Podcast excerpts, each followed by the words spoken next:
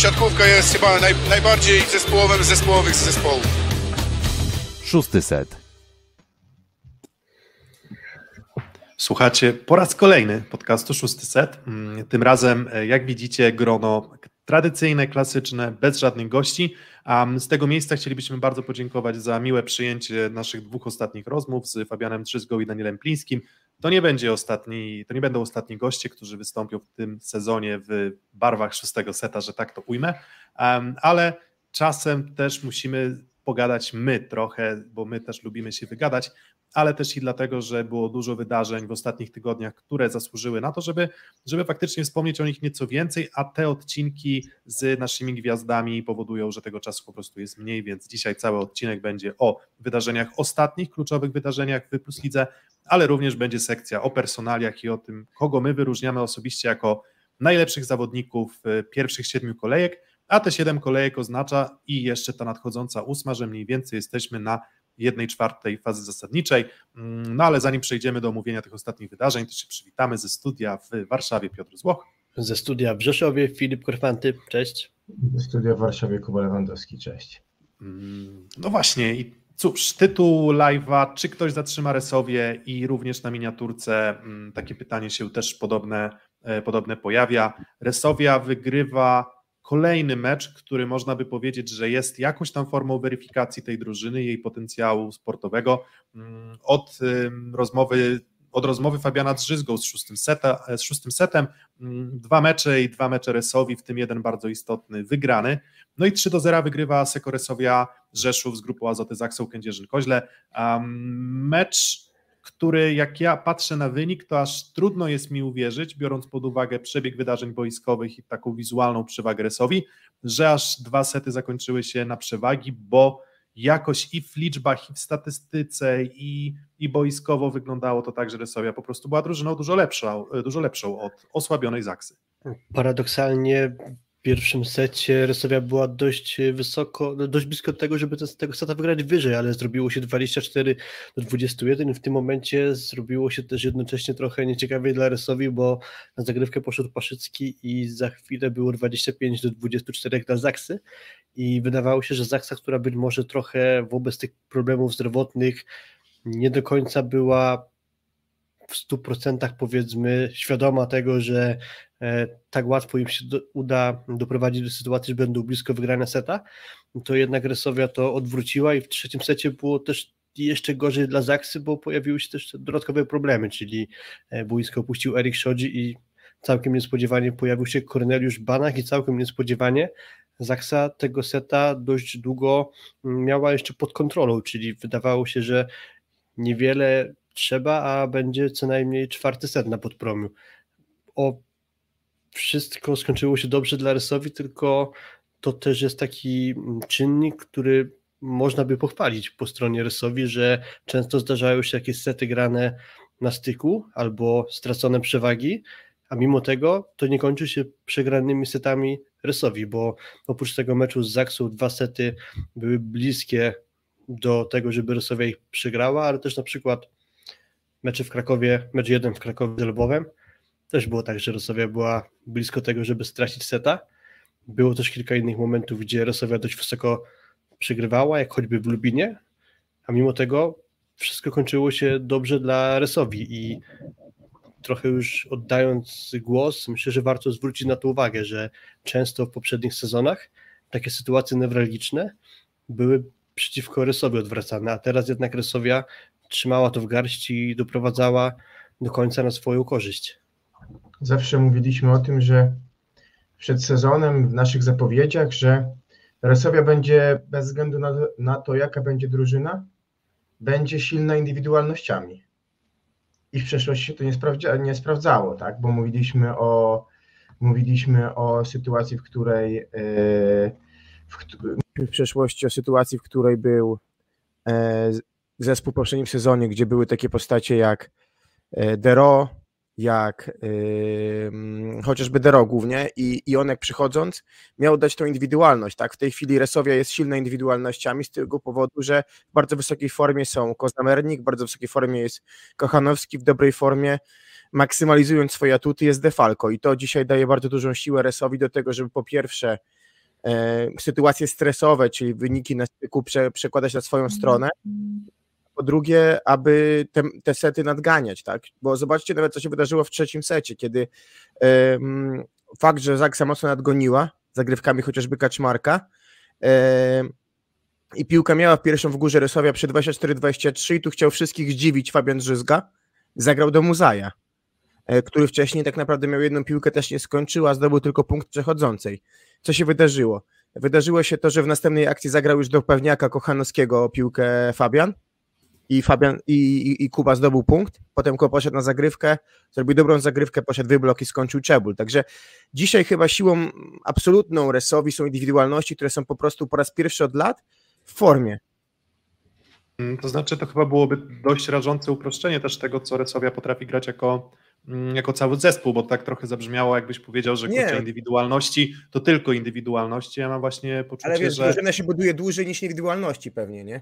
Tak, oczywiście, tylko że akurat ta drużyna, mm, ta drużyna jest już ze sobą z tym jednym tak naprawdę wymienionym elementem istotnym, jak się okazuje, wymienionym elementem układanki, czyli właśnie, mm, właśnie TJ DeFalco łamane na Tibor Sarda, no bo to trochę tak trzeba to traktować, no ale jednak TJ DeFalco tę rywalizację na razie, mm, na razie w Resowi wygrywa. No i zdrowie po prostu, to jest po prostu drużyna, która oczywiście były problemy Pawła Zatorskiego, były problemy Maćka Muzaja, ale w na pewno dobrej formie fizycznej jest Kuba Kochanowski, w dobrej formie fizycznej i zdrowy jest Kuba Bucki, Fabian Żyzga. TJ, TJ DeFalco, a, a nawet mówię, te problemy zdrowotne Pawła Zatorskiego też nie są, nie odbijają się tak mocno jak na razie na, na postawie drużyny. Ja taką refleksję miałem obserwując ten mecz, że jednak Rysowia e, co trochę zaskakuje, biorąc pod uwagę to, jak przez ostatnie lata tak, no, kompletnymi drużynami była Zaksa bo, bo, bo te, te wszystkie zaksy w zasadzie, od, od, od Fefede Georgiego w roli trenera, one były spójne, one były powtarzalne, one miały atut w zasadzie w każdym elemencie. W tym momencie zaksa trochę jest właśnie jednowymiarowa, w dwóch obszarach jest jednowymiarowa. Pierwsza sprawa jest taka, że jednak ogromną wiarę pokłada gdzieś w blok punktowy i tutaj duży szacunek dla Fabiana Drzyzgi, że ten element właśnie bloku punktowego Zaksy nie był aż tak zabójczy dla, dla Resowi i dla jej skuteczności ataku. Czyli Fabian Drzyzga moim zdaniem umiejętnie prowadził, prowadził grę. Zdarzały się sytuacje, w których też środkowi Kalempka i Wiltenburg, no bo też trzeba zwrócić uwagę na brak e, Davida Smitha, mm, ale były momenty, w których oni po prostu nie nadążali do tych piłek, e, szybkich piłek e, granych przez Fabiana Drzyzgę, więc za to duży szacunek, ale to jest ta jedna wymiar, jednowymiarowość Zaksy w obszarze bloku, a druga jest trochę, jeżeli chodzi o dystrybucję ataku, mm, wydaje mi się, że Marcin Janusz trochę cały czas szuka pomysłu na to, jak tak naprawdę prowadzić tę grę drużyny, żeby ona była możliwie najbardziej skuteczna, a w tym sezonie no, musi szyć jednak z materiału znacząco słabszego. No, nie, nie, nie oszukujmy się. Ten materiał się często zmienia, bo tak naprawdę chyba wygląda na to, że stabilizujemy się wokół e, szóstki z Wojciechem Żelińskim, obok Aleksandra Śliwki, ale też pojawiał się na boisku czy to Adrian Staszewski, wcześniej trochę było Denisa Kariagina, e, teraz jeszcze wypadł dodatkowo z całej tej układanki David Smith, co myślę, że też trochę zachwiało systemem grania Zaksy. Mm, to nie ułatwia sytuacji Marcinowi Januszowi właśnie w układaniu sobie e, planu na grę i też jakby wyciągania wniosków odpowiednich z tego, gdzie piłki można wystawiać. Chyba główny taki nurt jego stylu rozegrania jest taki, że opieramy grę na Łukaszu Kaczmarku. To bardzo długo działało w Superpucharze, bo przez mniej więcej dwa sety Kaczmarek grał bardzo dobrze, po czym trochę uzgasł. No i też chyba mimo tych kilku słabszych momentów albo że dość długich nawet momentów słabych Łukasza Kaczmarka, no to też widać było, że chyba na nim jest główny ciężar ofensywy oparty, nawet w tym meczu na podpromiu, no ale też problemem jest taki, problem jest taki, że Kaczmarek gra bardzo nierówno w tym sezonie. Pamiętam jego świetny start sezon temu, gdzie przychodził Janusz i mówiliśmy mniej więcej to samo, że Janusz opiera dystrybucję na, na graniu do Kaczmarka i wtedy grał świetnie.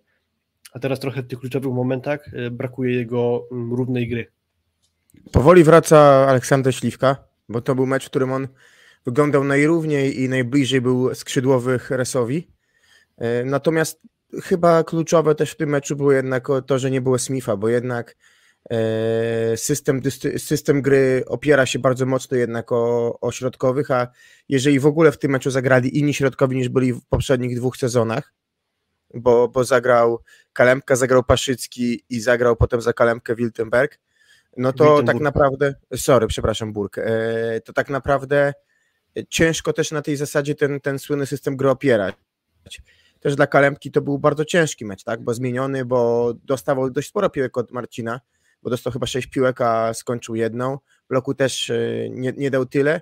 Dobrą zmianę dał Holender, ale no tak jak mówię, no, zmia- zmiana środkowych, jeżeli chodzi też o czytanie gry, jeżeli chodzi o reakcję, o ustawianie bloku, to jest zmiana znowu znacząca i za dużo jest tych zmian e, w Zaksie. Zawsze mówiliśmy o zmianach, które były niewielkie, albo jeżeli już były, no to były, nawet jeżeli były dwie, no to były e, takie, że Huber od razu wszedł właściwie w, w, przez okres przygotowawczy z Januszem rok temu, bo oboje nie byli na kadrze. Jeżeli chodzi o już e, końcówkę przygotowania, Szodzi trochę dochodził, faktycznie, no ale to był jeden zawodnik, tak? A teraz mówimy tu o czterech zmianach, pięciu versus poprzedni sezon w jednym meczu. Tak? W trzecim secie to było pięć zmian, tak? Bo ze składu cztery, bo stali się tylko Janusz, Śliwka i Kaczmarek z poprzedniego sezonu, wtedy tych, którzy byli na boisku, więc kolosalne zmiany, a panowie, jeszcze jest jedna kwestia. Mówimy dzisiaj o siódmej kolejce, jest 4 listopada. My zaczęliśmy grać 1 października, tak? Czyli każdy zespół zagrał 7 spotkań na przełomie 32 dni, tak? Czy 30, Mm, No a, a Jastrzębski Węgiel, a Jastrzębski Węgiel i Zaksa nawet 8. 8, no. Czyli mówimy tu o graniu... Też 8 z Tak. Radomiem chyba. No dobra, czyli jeden mecz na 4 dni. Do tego jest dojazd, kilka, często kilka godzin po meczu i do tego jest przyjazd dzień przed meczem. Czyli zostają nam dni treningowe ile? 8 dni było treningowe do tej pory? 10? Kiedy mogłeś w sumie potrenować? Ciężary. Tak, to, trochę, to trochę, trochę brzmi to, w sensie trochę przypomina to też, nie wiem, przypadek nie wiem, zawiercia. Wspominaliśmy o tym przecież przed sezonem, że, że tam różnie mm, drużyny w różnych składach się spotykały. Część miała czas przygotować tę formę fizyczną i wytrzymałość lepszą. Część trochę bazuje jeszcze na reprezentacji. Widać było, że mm, Śliwka jakieś tam problemy fizyczne na początku sezonu miał, zresztą też i z kontuzjami. Wydaje się, że już trochę się odbudował. Były takie właśnie tam końcówka tego pierwszego seta, gdzie poszedł Paszycki, no to tam dwie kontry, dwie kontry wysoko po rękach, to tak zapachniało już takim Olkiem Śliwką mm, z tych lepszych meczów reprezentacji, no i też z aksy z poprzednich sezonów. No i tak, no i w sumie na ten mecz można spoglądać też w inny sposób, a mianowicie taki, że nawet ta Zaksa, o której mówimy, że słabowita, że bez Davida Smitha, że wymieniona, że Shoji, który grał słabo, ale też chyba jakieś problemy, jakiś problem tam zdrowotny miał miejsce, że, że, on po prostu nie był gotowy do gry w tym secie trzecim. Spoglądamy na to wszystko i nagle się okazuje, że mimo to taką, nie wiem, siłą mentalną i, i, i chyba takim poczuciem, że zawsze ta, ta, ta drużyna nie, tego nie straciła, wydaje mi się, w porównaniu z poprzednim sezonem Zaksa, czyli tego, że oni wierzą, że w każdym momencie meczu, w każdym momencie seta mogą tego seta mm, odwrócić, również dlatego, że właśnie mają ten atut bloku, który pozwala im łapać breakpointy, żeby, mm, żeby gonić, więc mentalnie Zaksa wygląda cały czas dobrze, ale, ale, ale to, to myślę, że to nie jest, absolutnie nie jest to max Zaksy, czy, czy w sensie jakby miał po- postawić jakąś tezę, to wydaje mi się, że Resowia już gra powiedzmy bliżej tego, co może grać potencjalnie w tym sezonie, a, a Zaksa jednak jest od tego daleka właśnie przez kontuzję i, e, no i zmiany w składzie. Tobie, Filip, brakowało weryfikacji Rasowi. Nadal mi brakuje. To chyba jutro, co? To chyba jutro w końcu ta weryfikacja prawdziwa nadejdzie. Trochę ten słynny mem można e, przywołać, tam może bez przekleństw, ale jak siedzą ludzie wokół i kto jest w końcu kim, także kto w końcu będzie weryfikacją dla tej Resowi, która yy, myślę, że nawet jeżeli tonuje się nastroje w Resowie, no to w Rzeszowie, no to ten sezon chyba powoli daje dużą nadzieję. Historia nawet tego sezonu pozwala sądzić, że jednak ta największa weryfikacja chyba jeszcze jest przed Resowią i chyba nastąpi jutro, bo jeśli by tak wyszło, że Resowia by to wygrała, to z kim jeszcze mocniejszym miałaby się mierzyć Resowia, żeby stwierdzić, że dobra, jednak tej Resowi czegoś jeszcze brakuje. To oczywiście nie jest tak, że jutro Resowia ewentualnie wygra i już będzie e, główny kandydat do złota, no ale popatrzmy trochę wstecz. Wygrała Resowia w Bełchatowie 3 do 2, po czym się okazało, że to był początek słabszej formy PGS Kry, bo przegrała z e, projektem Warszawa i przegrała w słabym stylu dość bardzo nawet niespodziewanie z Barkomem Karzany Lwów, e, co dało pierwsze zwycięstwo ekipie z Lwowa, Mm, więc jakby ta Skra to nie jest Skra ze swojego mm, najlepszego wydania, dalej przychodzi właśnie to granie z Zaksą, gdzie na środku Wiadomo, nie ma Semeniuka, to już jesteśmy przyzwyczajeni, ale wychodzi jeszcze bez swojej kluczowej postaci na środku, z- bez Davida Smitha z Tomaszem Kalemką, to jest bardzo duże osłabienie. No i jeszcze nie wiadomo dokładnie, co się podziało z Rykiem Szodzim. W każdym razie ja oglądając ten mecz z perspektywy trybun, chwilę przed tym, jak on zszedł z boiska, to mówiłem, że no dobra, Szodzi wygląda jakby za chwilę miał zemdleć, więc myślę, że no po prostu się dobrze mm, nie czuł i stąd ta zmiana tam raczej jakiegoś fizycznego urazu nie było. No i dalej dochodzimy do tego, że Resowie jeszcze takiego rywala w 100% dobrze dysponowanego, typowanego do czołówki ligi jeszcze na swojej drodze nie spotkała. No mhm. wszystko wskazuje na to, że będzie to jutro. Um, dokładnie i jeszcze wskazując na jakby powody zmiany, no trudno, żeby sam LWO też tego Erika Szodziego, który był, źle się czuł, nie zmieniał, skoro on miał tam 7 przyjęć i chyba ani jedno nie było 0%. nawet blisko. Tak, on, ono nawet, nawet, nawet ani jedno nie było w miarę blisko, w miarę blisko rozgrywającego e, pod siatką. Um, no właśnie, no ta weryfikacja, no to tak, mówimy o Asekoresowi, mm, że ona gra dobrze, to, to po prostu Resowia gra dobrze i chyba co do tego nikt nie ma... Dalej myślę, e... że ma jeszcze rezerwy. A, a, gdzie myślisz, że są rezerwy rysowe? Na ataku. To znaczy, ja uważam, że Jakub Bucki dość przeźroczyste spotkania gra. To znaczy, w dużej mierze dalej to jest jakby Jakub Bucki z poprzednich sezonów, że raczej tam nie są grane najtrudniejsze piłki, tylko raczej jest raczej jakby... trzecia opcja. Raczej trzecia opcja, krótko mówiąc, bez jakiegoś większego wchodzenia tu w szczegóły. E, też e, jak na siebie dość kiepsko na zagrywce to znaczy potrafi grać dużo lepiej w, tych, w tym aspekcie. Mm, stąd myślę, że powrót Macieja Muzaja, zakładając, że grałby tak jak w zeszłym sezonie, to myślę, że będzie duży krok naprzód jeszcze dla systemu grania Resowi. Mm, a wyobrażasz sobie sytuację, w której, nie wiem, Jakub Bucki zostaje w składzie, bo tego zwycięskiego składu się nie zmienia i on wygryzie Macieja Muzaja, czy jednak stawiasz na to, że, że Maciek Muzaj w pełni zdrowia wróci do pierwszego składu? Ja myślę, że wszystko jest na dobrej drodze, żeby Maciej Muzaj wrócił do grania i grał bardzo dobrze, bo początek zeszłego sezonu miał nie najlepszy, ale potem z biegiem e, kolejnych meczów, no to jednak dobre tempo z Fabianem złapał i Muzej wyglądał bardzo dobrze. Ja tylko jednak uzupełnię jedną kwestię tej weryfikacji Resowi, bo mówimy o tych aspektach z tego sezonu, ale to, że Rosowia już wygrała 7 meczów, jeszcze jest bez porażki, to już dużo mówi o tym, jaki jest ten zespół poukładany na ten moment sezonu, bo popatrzmy na wcześniejsze lata, nie mówię nawet o sezonie 19-20, gdzie to był ten koszmar, gdzie Rosowia 7 meczów wygrała w całym sezonie, gdzie już teraz ma 7 wygranych, w tym. Ale sezon wcześniej, druga kolejka, wpadka w cudzysłowie z Katowicami. Jakoś chwilę później, na początku grudnia, wpadka z Suwałkami. Dwa sezony temu porażka, nie wiem, w trzeciej chyba kolejce z Suwałkami. Sezon 18-19, pierwsze kolejki porażka z Katowicami z Będzinem, czyli co róż jakieś takie mecze, które Resowia teoretycznie powinna wygrać, przegrywała, a na razie tak nie ma. I oprócz tego, że potrafi trzymać się w poszczególnych setach, mimo niepowodzeń pewnych na krótkim dystansie, to jednak przychyla szale na swoją korzyść. Ja myślę, że jak wróci muzej, no to myślę, że jednak on będzie pierwszym, no bo po pierwsze trzeba, aby dwie prawdy plus ligi się sprawdziły, czyli że Fabian gra najlepiej do prawego i że Jakub Błyski to Joker.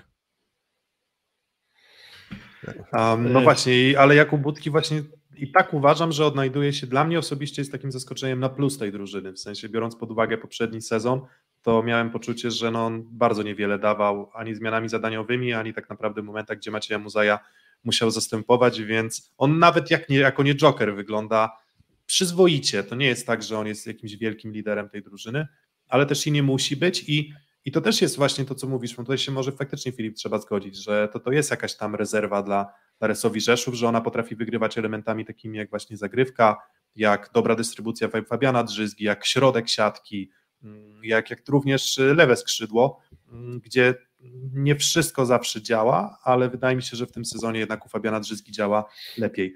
Um, teraz wspomniałeś o tym, wspomniałeś o kolejnym meczu i weekendowym meczu z Jastrzębskim Węglem no to chyba wypada też zahaczyć o. Nie mówiliśmy o tym, ale o ten mecz Superpucharu. Jastrzębski Węgiel z pierwszym trofeum w tym sezonie i on będzie właśnie rywalem mm, Asekoresowi. No to co wiemy o Jastrzębskim Węglu i czy ten mecz, czy ten Superpuchar powiedział nam coś więcej na temat tego, co może być, nie wiem, problemem albo atutem e, właśnie drużyny ze Śląska. Ten mecz Kuba... pokazał to, że Jastrzębie nie lubi grać z Zaksą. I to chyba się nie zmieniło. E, I pokazało to, że to Newtiego Zaksa czyta trochę jak książkę, którą wiesz, uczyłeś się kiedyś, trochę tak jak języka obcego, którego się kiedyś uczyłeś, uczyłeś się tam na B2 i czasami wystarczy pod, poćwiczyć troszkę, żeby wejść na C1. W sensie jest to taka, moim zdaniem, znajomość bardzo dużego i ilość bloków za każdym razem w meczach Zaksy z Jastrzębiem budzi moje duże uznanie po stronie, po stronie Zaksy, bo to był jeden z głównych elementów, który pozwalał na to, że ten mecz poszedł aż tak równo na końcówkę, bo, bo widać było od początku trochę więcej, wydaje się, jakości zespołowej, inaczej ofensywnej po stronie Jastrzębia, ale jednak gdzieś ta defensywa Zaksy grająca kapitalnie, dużo lepiej w tym zakresie od, od Jastrzębia, które też ma potencjał do tego, wyglądała lepiej. Trochę mi przypominał ten mecz, powiem wam szczerze, częściowo finały 2-20, 1, 2-21, czyli te mecze, które dwa Jastrzębie wygrało 3 do 1. Trochę mi to przypominało. Tam akurat yy, finalnie te czwarty set pada łupem Jastrzębia, to, i, i, i zwycięstwa, natomiast to mi przypominało to, że właśnie tutaj jednak tą defensywą bardziej Zaksa chciała ten mecz wyciężyć i mm, trochę moim zdaniem na przestrzeni jednak na dystansie spotkania zabrakło tego, że dobrze grał Żaliński na początku, bo była fajna dystrybucja Janusza i on miał bardzo dobrą skuteczność. Potem, kiedy tych piłek sytuacyjnych było więcej, to już zaczęli go łapać Jastrzębianie jednak, czy to blokiem, czy wyblokiem. E, i zabrakło na końcu po prostu większego odejścia do skrzydeł. Taka była moja diagnoza w tym meczu. Że bardzo wyraźne było to, jak e, zjechał ze swoją skutecznością Łukasz Kaczmarek, który te, też trochę przy tym mówiliśmy o tym, że no, na początku mocno właśnie Zaksa wisiała na nim w kontekście kończenia ataku. Tutaj przyszła mi do głowy taka myśl, że te najlepsze zespoły w bronieniu w systemie gry blogobrona, jak na przykład jest Jastrzębie, bo tak należy to zaliczać, Mm, być może mają tak, że mm, muszą się z biegiem spotkania dostosować do tego, co potrafi przeciwnik i jaki jest plan gry przeciwnika. To znaczy Łukasz Kaczmarek, mając bardzo szeroki wachlarz możliwości ofensywnych, zakłada sobie jakiś plan na grę, czyli że w danych sytuacjach, w danych ustawieniach będzie atakował w dany sposób. I Jastrzębie, obserwując spotkanie, mając też bardzo długi dystans, czyli 5 setów, jest w stanie z biegiem przeczytać to, co zrobi Kaczmarek i antycypować jego zachowania też dochodzi aspekt y, zmęczenia. To jest bardzo trudne. Po pierwsze, musisz z biegiem spotkania zmieniać swoją taktykę, czyli coś, co być może mm, nie jest dobrze do końca zawsze możliwe do przetrenowania, czyli że takich sytuacjach zawsze reagujemy tak, a wyjątkowo w danym ustawieniu jednak musimy to zmienić i wszyscy naraz się muszą zgrać. A druga Wiesz, sprawa a, jest, ten, a, a jeszcze tutaj dodam, że Zaksie trudno o taką elastyczność, bo po prostu nie było ludzi do treningu i, i, i, relatywnie niewiele czasu na taką pracę, żeby taką zmianę w ogóle spróbować zaplanować, a co dopiero właśnie na tle rywala jak Jastrzębie. To tak... Mhm. Ale to mówisz teraz o Zaksie, bardziej mówię o tym, jak Jastrzębie było w stanie antycypować a, okay. zachowania e, Kaczmarka i oprócz tego, że właśnie jest to trudne jakby do zmiany w trakcie spotkania, bo musi się naraz sześciu gości dobrze porozumieć, to już druga sprawa jest taka, może już taka bardziej marginesowa, to jest e, różnica między Marcelo Mendezem z Resowi, a z Jastrzębskiego Węgla. Marcelo Mendez przyjechał do Rzeszowa bez swojego sztabu, Pamiętam, że miał ogrom współpracowników w sadzie Cruzeiro i teraz jeszcze ma część członków sztabu swoich zaufanych w Jastrzębiu. I taki przepływ informacji, czyli taka dokładna wiedza, co Marcelo w danej sytuacji potrzebuje w krótkim wycinku czasu, czyli z akcji na akcję tak naprawdę, jego sztab być może potrafi perfekcyjnie przekazać to, co Marcelo aktualnie potrzebuje i on to przekaże zawodnikom na boisku. I właśnie być może to jest taki drobny aspekt tego, jak Kaczmarek został e, spacyfikowany z biegiem tego spotkania, pomijając aspekty fizyczne, bo też nawiasem Zaksa generalnie wygląda kiepsko fizycznie w całym tym sezonie. Ale z drugiej strony Piotrek, e, Zaksa lubi grać z Fornalem, prawda? Tak, no właśnie chciałem wspomnieć o tym, czy asystenci Mendeza wspomnieli mu o tym, że może jednak warto zdjąć Tomka Fornala, bo po prostu znowu nie, mm, znowu nie dowozi. No, wiecie, to jest trochę tak, że mm, patrzysz na statystyki Tomka Fornala i widzisz, ok, super skuteczność, super efektywność. Patrzysz na mm, nawet na statystyki efektywności na wysokim bloku i, i, i, też wydaje ci się, kurczę, no przecież Tomek Fornal daje radę, ale jednak to, co Zaksa zaprezentowała na bloku, czyli 23 bloki punktowe i pewnie ileś tam też tych wybloków przy okazji mm, przez 5 setów, no to to był no, niesamowity pokaz tej siły bloku. W sensie ja nie widziałem już dawno takiego wyniku. Mm, nawet sprawdziłem tam historycznie plus lidze był taki mecz, gdzie tam AZS Politechnika Warszawska zdobyła 23 bloki w 4 sety na Resowi, ale, ale takie mecze zdarzają się naprawdę bardzo, bardzo często. No i wracając do Tomka Fornala, no z jakiegoś powodu mu ta zaksa nie leży. No i tak mam poczucie, jak spojrzałem nawet na akcje, które spowodowały, że on tych piłek nie kończył, mm, no to tak, próbował kiwką, to Zaksa jest przygotowana na to i jest, jest asekuracja ze strony mm, ze strony zawodników stojących za blokiem. Próbował mocno, to akurat y, wysoko po rękach. Nie wiem, czego brakuje Tomkowi Fornalowi, żeby, żeby takie mecze powtarzalnie dźwigać, ale prawda jest taka, że w ostatnich meczach z Aksą, mm, w tym sezonie, tym pierwszym, ale też i mówimy o poprzednim sezonie, e, trochę problemów tam z chorobami i tak dalej, ale on po prostu nawet na finały w jednym meczu dowiózł. Tylko w jednym meczu, co, co raczej wygląda na to, że było jednak wyjątkiem. I trudno jest mi powiedzieć, czego jeszcze brakuje, brakuje Tomkowi Fornalowi, żeby, żeby taki blok forsować. Natomiast trochę przypomniały się, przypomniał się finał Mistrza Świata, przypomniał się mecz z Włochami, którzy też bardzo twardo, bardzo agresywnie tym blokiem pracują, są świetnie przygotowani taktycznie, wiedzą jak skakać do poszczególnych zawodników. No i Tomka Fornala też, w zasadzie ta jego zmiana w ataku w finale była Mistrzostw Świata była słaba, więc, więc tutaj w tym Superpucharze Polski znowu coś nie zadziałało.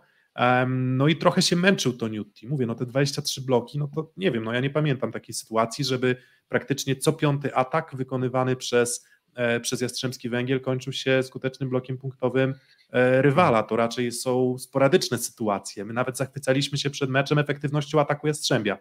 Nagle się okazuje, że efektywność ataku na drużynach od miejsc pewnie 5-16 to jest jednak troszeczkę inna efektywność, inne granie niż to, co trzeba zrobić z Aksą. No i też oprócz bloków punktowych wybloki, czyli Stephen Boye, który gra znakomity sezon, też stanął naprzeciwko tej Zaksy i był dość często wyblokowywany. Trochę jakby odwrócenie sytuacji, że Bentara przeciwko Jastrzębskiemu, czyli gra super, po czym przychodzi granie z Jastrzębskim Węglem i Bentara tak naprawdę nadaje się do zmiany, krótko mówiąc. I tu też trochę było tak z Boyerem, czyli dość duże problemy właśnie Francuza. No i jeśli on trochę grał słabiej, to brakowało drugiego filaru w ataku. Te częste zmiany Fornal, Szymura mocno tym rotował Mendes. Finalnie wyszło na jego, bo Jastrzębie wygrało, ale te zmiany moim zdaniem nie były zbyt konsekwentne, nie wiem, brakowało mi tam jakiegoś sensowniejszego chaos. przemyślenia. Trochę, był, trochę to było na chaos, moim zdaniem. Tak, tak, to, to było trochę Adams, na chaos. Adams, tak. na chaos. I trochę też ten, ten tiebreak tak przepchnięty, te kontrowersje sędziowskie przy bardzo prostej sytuacji też trochę no są takie sytuacjach niesmaczne, bo zabierają radę z widowiska i, i powodują wkurzenie obu drużyn, ale mówimy, zobaczcie o Bojerze, że nie zagrał świetnie, tylko że zobaczcie na Bentarę, który zagrał z Jastrzębiem na zero efektywności i chyba skuteczność tam na poziomie 20%, a mówimy tu o Boje, który zagrał średnio, a zagrał myślę, że dla większości atakujących niedostępne liczby, czyli 22 na 39, czyli 56 e, skuteczności, no i fakt, że 6 razy blokowany, ale 38% efektywności to i tak jest występ pewnie, no mówię, których wielu atakujących, których sobie powiemy na koniec odcinka, no nie jest w stanie wypełnić, więc to też pokazuje, jaki sufit w tym sezonie e, pokazał Błaje. Natomiast no, dla Zaksy chyba to jest wskazówka na to, czym oni są w stanie grać, jakie karty muszą zmaksymalizować na, na, na, na tym, w czasie tego sezonu, no bo tak blokujący Janusz jest najlepiej blokującym y, środko, y, przepraszam, rozgrywającym w lidze, co też pokazał z Resowią, jednak cztery punktowe bloki, bo Kaczmarek jest bardzo trudnym do grania y, zawodnikiem, no i tak naprawdę no ciężary w każdej strefie tak naprawdę w bloku, tak, Żaliński ma bardzo dobry pojedynczy blok, jeżeli chodzi o przyjmujący, pewnie jest bardzo bliski Semeniukowi w tym zakresie akurat, więc no no właśnie, tylko, że tylko, no właśnie, tylko że ten mecz i też i mecz z Rysowią i ten właśnie Superpuchar pokazały, że, a, że jeżeli spotykają się drużyny, no jednak z tą siłą ataku większą, ale też i drużyny, które właśnie potrafią obrzydzić grę właśnie Januszowi. Potrafią zatrzymać czy Kaczmarka, czy w zasadzie dowolnego, dowolnego ze skrzydłowych. W Superpucharze też nie było Olka Śliwki, ale on tam wtedy jeszcze fizycznie chyba nie domagał. Tak to, tak to trochę wyglądało z perspektywy czasu.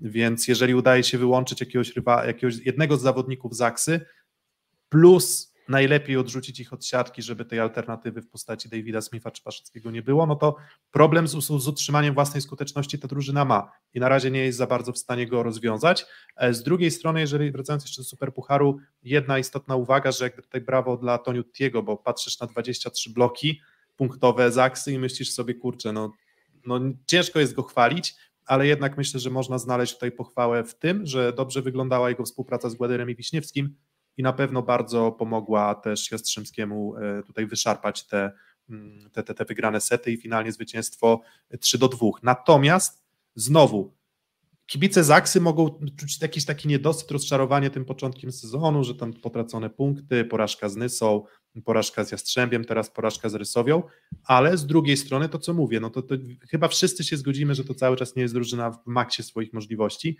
więc jeżeli ona bez maksa swojej możliwości jest w stanie szarpać taką drużynę jak Rysowia z posłabieniu personalnym, którą przecież się zachwycamy, czy uważamy, że gra bardzo dobrze i jest w stanie nawiązać rywalizację z Jastrzębskim Węglem, no to będzie to drużyna niebywale nieprzyjemna dla dowolnego rywala tak naprawdę na etapie półfinału. Jeżeli tylko w jakiś sposób, nie wiem jeszcze w jaki, ale znajdą rozwiązanie na skuteczność własnego side-outu, to, to, to, to, to, to będzie dalej ich ciężko pokonać. Ale jest ciężko będzie, prawda, Filip, o to, żeby wygrać po raz tysięczny fazę zasadniczą. Będzie ciężko, bo już tych strat sporo punktowych, a rywale raczej się nie oszczędzają, jeśli chodzi o Mm, wygrywanie spotkań Borysowej Jastrzębie na razie bez porażki, więc ta przewaga już jak na siódmą kolejkę zaczyna rosnąć. Powiedziałeś Piotrek o tym, że musi się Zaksa ogarnąć ze skutecznością swojego side-outu, a ja miałem z tyłu głowy taki wątek, który właśnie chciałem jakoś wpleść i chyba mi w tym pomogłeś, bo chciałem wspomnieć o tym, jak Koślawa w przyjęciu pilotów była Zaksa w tym superpucharze. No niesamowicie odbijały się niektóre te zagrywki. Nie wiem, jak na dłuższą metę będzie to problemem Zaksy, bo przyjechała Zaksa na podpromie i tam nie bardzo przeciwnik chciał serwować flotem, tylko było zagrywanie z wyskoku, bo akurat Resowia ma mało zawodników, którzy stosują flota. Mm, no to w tym meczu z Jastrzębiu to był duży problem. Generalnie z Wojciechem Żelińskim na przyjęciu jest tak, że e, w ataku ok, w bloku ok, w zagrywce bardzo ok, ale jest problem z przyjęciem. Wchodzi Staszewski, lepiej przyjmuje, ale z kolei brakuje trochę walorów ofensywnych. E, no i to, to wszystko też trochę utrudnia właśnie ten side-out y, w Zaksie. Co do szukania jakichś później pozytywów, czy chęci odpowiedzenia na pytanie, czy Zaksa się otrząśnie, no właśnie, przegrali super puchar po tej breaku, z Stresowią mieli dwa sety blisko do wygrania, wróci Huber, trochę ogarnął się fizycznie, bo myślę, że z biegiem czasu tak będzie. Może dojdziemy do dalszej części sezonu, gdzie oni jeszcze tak naprawdę nic nie przegrają poza, poza tym superpucharem, a będzie więcej trochę czasu na trenowanie, bo teraz tego grania jest ogrom, mm, bo jeszcze Liga Mistrzów za chwilę dojdzie. To Zaksa myślę, że na pewno się jeszcze tutaj poprawi. Myślę, że też budujące jest to trochę w nawiązaniu do tego, Piotrek, że oni przegrywają mecze, nie idzie im, a po nich nie widać jakby tam coś złego się działo na płaszczyźnie takiej zespołowości. I mi się wydaje, że dwa czynniki mogą grać rolę. Pierwszy jest taki, że oni mogą mieć ten luz wynikający z tego, że tak naprawdę to oni już wszystko powygrywali, więc to, że mają chwilowy dołek, nie muszą się tym martwić, bo tam nie ma żadnej presji, że masz, jak było jeszcze do niedawna w Rysowi chociażby, że masz słaby sezon, słaby sezon, słaby sezon, zaczynasz coś źle i już masz ten ciężar, Boże, znowu będzie kolejny słaby sezon, musimy się ogarnąć. A jednak w Zachsie jest tak, że mieli swój szczyt i teraz trochę zeszli z tego, ale spokojnie, nie, będziemy zawsze wygrywać. To im chyba trochę pomaga. A druga kwestia jest też taka, że trenerem został Tomasz Samelwuło i pamiętam, że kiedyś pracowałem nad artykułem na jego temat i Kamil Sołoducha, pytany właśnie o Tomasa, powiedział, że on ma taką zdolność, że potrafi wytłumaczyć zespołowi, że to, co robimy teraz, albo ten moment, gdzie my jesteśmy teraz, prowadzi nas do tego, że poprawa w grze się pojawi. Że długofalowo jest w stanie przekonać zespół do swojej wizji, do tego, że jego praca ma sens. A to może mieć tutaj kluczowe znaczenie właśnie, że na razie nie idzie, mają pewne problemy, ale jakby spokojna głowa i wyjdziemy z tego. Ale też mm. musi chyba rotować, prawda, na, na rozegraniu, bo, bo myślę, że Marcinianusz to jest pierwszy jego rok, kiedy gra cały rok od deski do deski i to musi wyjść. Więc nie wiem, no teraz Karlowarsko, inne mecze, myślę, że rotacje wskazane bardzo.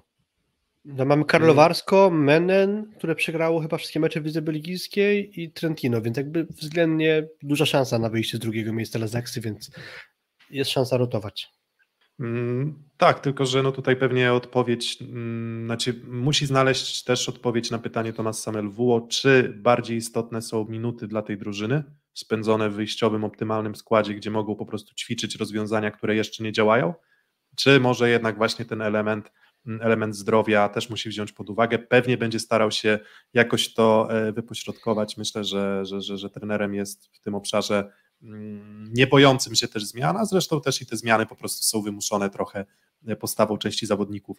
Um, mówimy, że jutro mecz Asekorysowi Rzeszów, czy w zasadzie Jastrzębskiego Węgla, bo Jastrzębski Węgiel u siebie podejmie mm, Asekorysowie Rzeszów, e, no to, no to co w zasadzie mm, co, co, co w zasadzie widzicie, jak może wyglądać ten, mm, ten mecz? Kuba? Jak, jak, tak, co może wyglądać ten mecz? Wydaje się tak, po pierwsze czekamy bo były te pierwotne kolejki w tym sezonie kolejkami, w których dużo spotkań było wyrównanych. Potem przyszła kolejka poprzedni weekend, bardzo ciężka do oglądania, gdzie jednak 5 spotkań, 3 do 0 yy, i, i dwa piątkowe tiebreaki plus tiebreak e, wymęczony yy, przez zawiercie w Lublinie. I dochodzi do sytuacji, w której może zacząć się pojawiać takie przesycenie po stronie i zawodników, i nas kibiców, jeżeli chodzi o jakość gry. I mecz na Podpromiu był o tyle fajny do oglądania też dla postronnego kibica, że wróciła trochę atmosfera stara, wróciły te emocje, ten hałas i tego samego oczekuję jutro mm, w hali przy Jana Pawła w Jastrzębiu. Czego jeszcze oczekuję? Oczekuję przede wszystkim e, zweryfikowania Błaje z inną drużyną niż Zaksa, czyli też zobaczenia tego, na ile ten blok obrona, który tak chwalimy Resowi, jest czymś bardzo, bardzo dobrym bo myślę, że lepszego rywala do weryfikacji tego systemu niż Jastrzębie jutro mieć nie będziemy. Jestem bardzo ciekawy też rywalizacji na środku, czy, czy tutaj nestorzy, e, jastrzębscy nestorzy, którzy, jak, tak jak powiedziałeś, znajdują, znaleźli właściwie już język e, z to New Team, bo zagrali bardzo dobrze, jeżeli chodzi o ofensywę i Gładyr, i Wiśniewski po drugiej stronie Smyw, czy ci nestorzy będą w stanie powalczyć z bardzo fajnie wyglądającym na tym etapie duetem Kochanowski-Kozamernik, w aspekcie ofensywnym, tak? Na ile będą też w stanie właśnie Resowianie tą, tą siłę ze środka z, zneutralizować?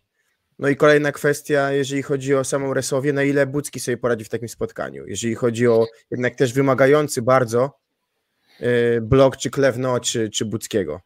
No tak, a po prostej stoi Kuba Popiwczak, no i on też coś tam, coś tam bronić potrafi.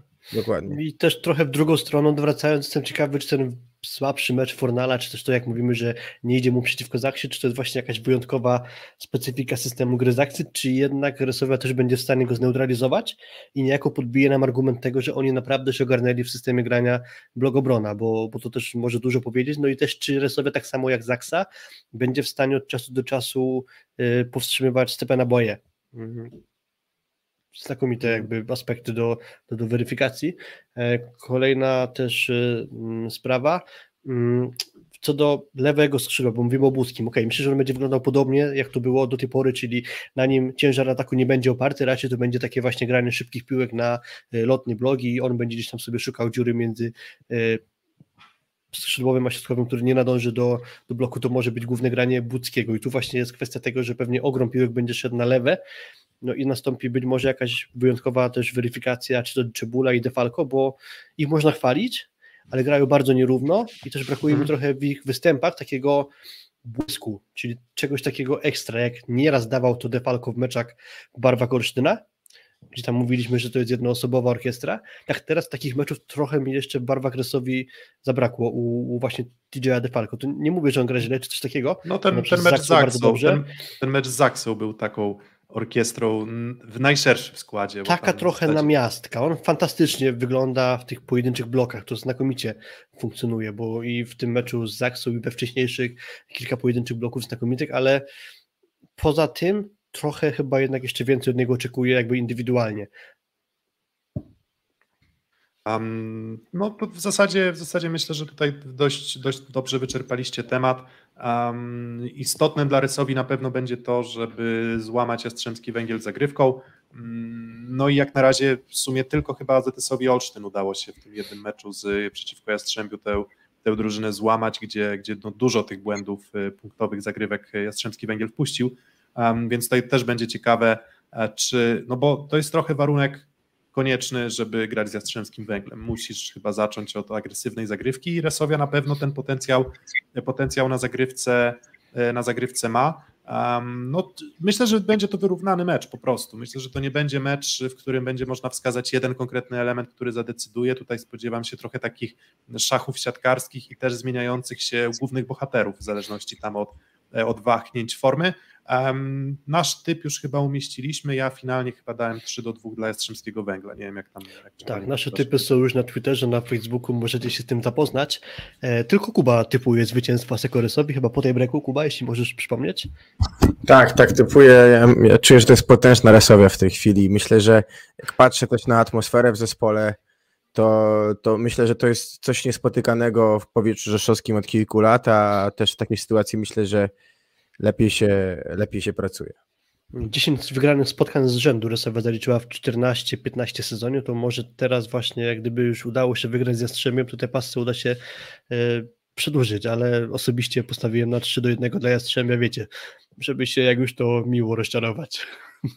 Dokładnie. No a ja ten, ja w poprzedniej kolejce postawiłem 3 do 1 dla Indykpolu AZS Olsztyn, no i skończyło się, znaczy tam śmieszkowałem, że 3-0 dla Nysy, ho, ho, ho, żeby trochę zakląć rzeczywistość, no ale finalnie te nasze typy na Twitterze, no to mówię, nie no, może jednak Indykpol mm, AZS Olsztyn. Um, dobra, no teraz jeszcze kolejny, y, dobra, to może oddzielimy tę sekcję rzeszowsko, kędzierzyńsko, jastrzębską y, dżinglem, y, no i omówimy dołek PGS Krybełchatów. Szósty set. Um, dokładnie, dołek. Dołek, nie wiem czy to jest dół, ale mm, rozmiary porażki z projektem Warszawa, który też swoje problemy miał, mm, to jeżeli dobrze kojarzę mm, z tego, co tam podawał nam Michał Kwietko-Bębnowski, który to weryfikował, to jest chyba największa porażka, jeżeli chodzi o rozmiar porażki PGS Krybełchatów u siebie w lidze.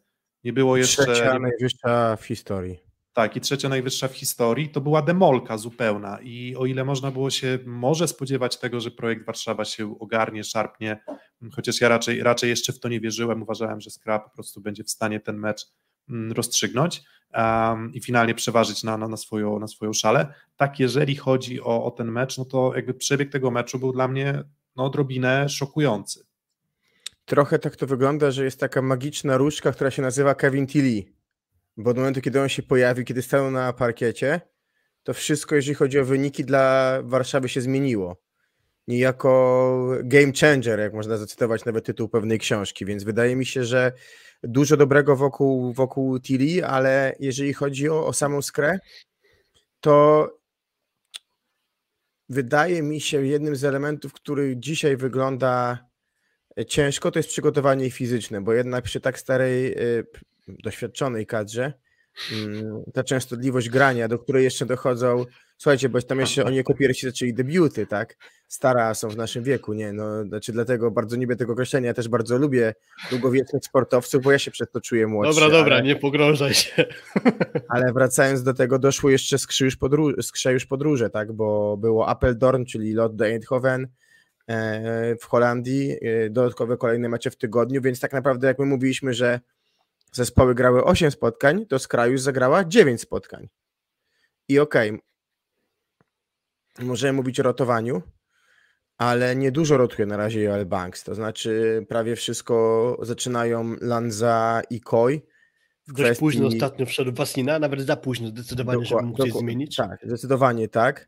Yy, Sebastian Adamczyk oddany na wypożyczenie do, do Katowic, które oczywiście skorzystały z tej możliwości wobec problemów, ale pozostaje to w rotacji tylko Gunia. I, gdyby, i co by było z, ze Skrą, gdyby nie Aleksander Atanasiewicz, który po fatalnym mundialu wygląda na razie na starego Atana, w sensie starego ze z dawnych lat. Mm, dokładnie, no to jest um, uzależnienie od atutów środkowych, trochę od breakpointów Bieńka, trochę wiara w to, że, że Bieniek sam te mecze wyserwuje, co już w tym sezonie robił, wyserwowywał sety, um, mecze, no może też tak, ale na pewno wyserwowywał sety, był w stanie w każdym momencie tak naprawdę seta podłączyć skrę do prądu. Mm, no i w meczu z projektem właśnie było tak, że tego prądu zabrakło, bo właśnie tego Bieńka jako chyba, to był chyba jedyny tak naprawdę jego taki słabszy mecz w tym sezonie, mm, no to Bieńka zabrakło, Zabrakło też powiedzmy drugiego atutu środkowych. Fatalne przyjęcie, fatalne, naprawdę, beznadziejne przyjęcie PGS Krybełchatów. Mm, I, I, mówię, to, to przyjęcie to nie można się spodziewać też tego, że to będzie najbardziej mm, odporna e, na mocne uderzenia linia przyjęcia, ale pewne standardy jednak te potrafili zachowywać i w poprzednim sezonie, i nawet na początku tego sezonu. Tutaj w tym meczu po prostu zostali zupełnie rozmontowani. No i, i, i w zasadzie i, i, nagle się okazuje, że nie, nie masz odejścia na środku, mm, bo, bo Grzegorz Łomacz też potrafi zagrać krótko z bardzo odważnych pozycji, ale no, z wielu tych przyjęć, no to z ósmego metra to już raczej nie zagra, chociaż może na treningach próbuje, nie wiem, a może potencjalnie to mogłoby czasem zadać, no ale jednak odległość piłki jest trochę duża, więc raczej już rywale mogliby to czytać. Tak się, tak się trochę obawiam. Mm, no i to lewe skrzydło, które, które nie działa po prostu. No, nie, nie działa Koi, czy, czy Koi, czy Lanza, czy, czy Wasina. Jak na razie po prostu to jest słabość e, PGS Krybełchatów. No i wydawało się, ten początek sezonu dawał taki sygnał, że może jednak ta skra będzie mocniejsza. Teraz znowu trochę sinusoida, teraz wachlujemy w drugą stronę, że jednak ta skra mm, może jednak będzie słabsza, a prawda pewnie jest gdzieś po środku, tak, że to będzie po prostu solidna drużyna na pozytywny bilans zwycięstw do porażek, ale będą się zdarzały takie mecze jak właśnie z, z projektem czy z Lwowem. Nadspodziewanie dobrze dla mnie gra Aleksandra Tanasiewicz. Bieniek nas przyzwyczaił do swojej dobrej dyspozycji i to, że oni grają bardzo dobrze, w skrócie mówiąc, to jest, powinna być dobra informacja dla skry, paradoksalnie chyba trochę nie jest, bo jak mm, Atanasiewicz gra mecz, gdzie zdobywa 30 punktów, środkowy Mateusz Bieniek zdobywa 20 punktów, a mimo tego przegrywają z Lwowem, to źle świadczy o skrze. O skrze. E, dodatkowo Mateusz Bieniek, jeśli się nie mylę, jest bodajże liderem, jeśli chodzi o punktowe bloki, czyli można go chwalić za grę bloku, a paradoks jest taki, że cała skra wygląda beznadziejnie, jeśli chodzi o relację blok-obrona, bo mm, to, że nie wiem, Igor Grobelny dwie kolejki temu tam zrobił wynik bodajże 17 na 21, gdzie dość mało wymiarowy jest projekt w ataku, i dużo zależy od Grobelnego, no to chyba dałoby się lepiej go trochę zneutralizować. No i właśnie to, co zrobił ostatnio Lwów, czyli to był ich pierwszy mecz, gdzie cała trójka skrzydłowych zagrała przynajmniej sensownie w ataku, czyli i Firka, i Chwalen, i ta dwójka w końcu dołączyła do nieźle grającego w ataku na dłuższym dystansie Tupcia. No to wszystko bardzo źle świadczy o skrze i nie wiem, czy w tym składzie osobowym, personalnym na boisku będzie się dało coś więcej tutaj wykrzesać. Wydaje się coś. Jeżeli e, Modenie dalej będzie się tak układało, jak będzie, to pewnie zwolni się Andrea Gianni. Ja myślę, że będzie duża pokusa, żeby po niego w Bełchatowie sięgnąć, mm, jeżeli chodzi o rotację. Natomiast nie wiem, czy tu jest akurat wielki problem w trenerze, bo myślę, że e, kwestie, które wskazywaliśmy przed sezonem, jeżeli chodzi o system gry, jeżeli chodzi o dobory na poszczególnych pozycjach, e, dają tak jak mówię, w tej chwili znaki, a, a terminarz nie pomaga, tak? Bo, bo mówię, ja byłem zszokowany osobiście takim wynikiem, jeżeli chodzi o Lwów, bo y, oczywiście ten zespół miewał w tym sezonie już bardzo dobre sety, ale nie skorygować swojej gry na przestrzeni całego spotkania ta klasowa drużyna jak Skra nie powinna nie robić. Znaczy spodziewałem się tego, że okej, okay, tam de facto wyjdą w secie drugim i trzecim, bo było chyba, prawda, prawda, było 2 do 1 dla, dla Lwowa i mówię, ok, no to 3-2 kończymy dla Skry, strata punktu, ok, no ale wygrywamy i kontynuujemy jednak, mm, czy wracamy na zwycięską pasę, czy kontynuujemy ją po wygranych y, z Appeldorn, tak, a tu jednak y, przegrany tiebreak i to taki tiebreak, w którym to raczej Lwów miał inicjatywę przecież. Teoretycznie jest tak, że za 50 minut jesteśmy na żywo, powinien ruszyć mecz z, z Suwałkami. Wydaje się, że e, dobry środek, dobrze grający Atanasiewicz i lewe skrzydło trochę niefunkcjonujące, najlepiej w ataku naprzeciwko Matiasa Sancheza na bloku, są chyba idealne warunki, żeby spokojnie ten mecz z Suwałkami wygrać. A mimo tego jesteśmy w takim momencie sezonu i w takim etapie dla PGS gry, że tak naprawdę nie jestem przekonany, czy Skra to na pewno wygra. A warunki ma świetne, bo akurat lewe skrzydło, które nie działa, spotka się połowie ustawień z niewysokim Matiasem Sanchezem. Mm, dokładnie, do tego jeszcze dochodzi to, że jednak Suwałki trochę jednak interpretuje jako drużynę jednak dość wrażliwą w przyjęciu.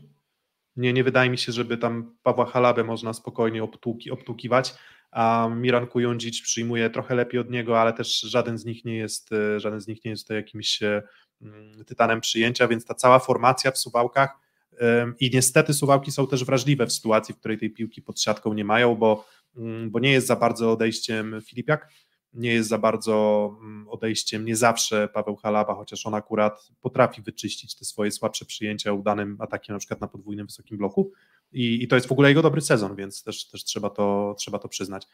No ale, ale mimo wszystko tutaj też faktycznie stawiam na, na PGS Krę Bełchatów, e, ale też jest tak, że mm, nie spodziewam się tutaj meczu, w którym raczej Skraby zdominowała Suwałki i myślę, że to będzie trochę taki też mecz, y, w którym Skra będzie musiała udowodnić, że ma tę mentalność, bo jakby to jest, to jest mecz trochę rozgrywający się w głowach, bo, bo Skra wygląda w tym momencie na drużynę, którą można złamać po prostu. Więc I, ciekaw i... jestem właśnie, czy Suwałkom się to uda dzisiaj. No i w przypadku porażki z Suwałkami, to myślę, że już będzie y, wrząt, nie gorąco, a wrzątek.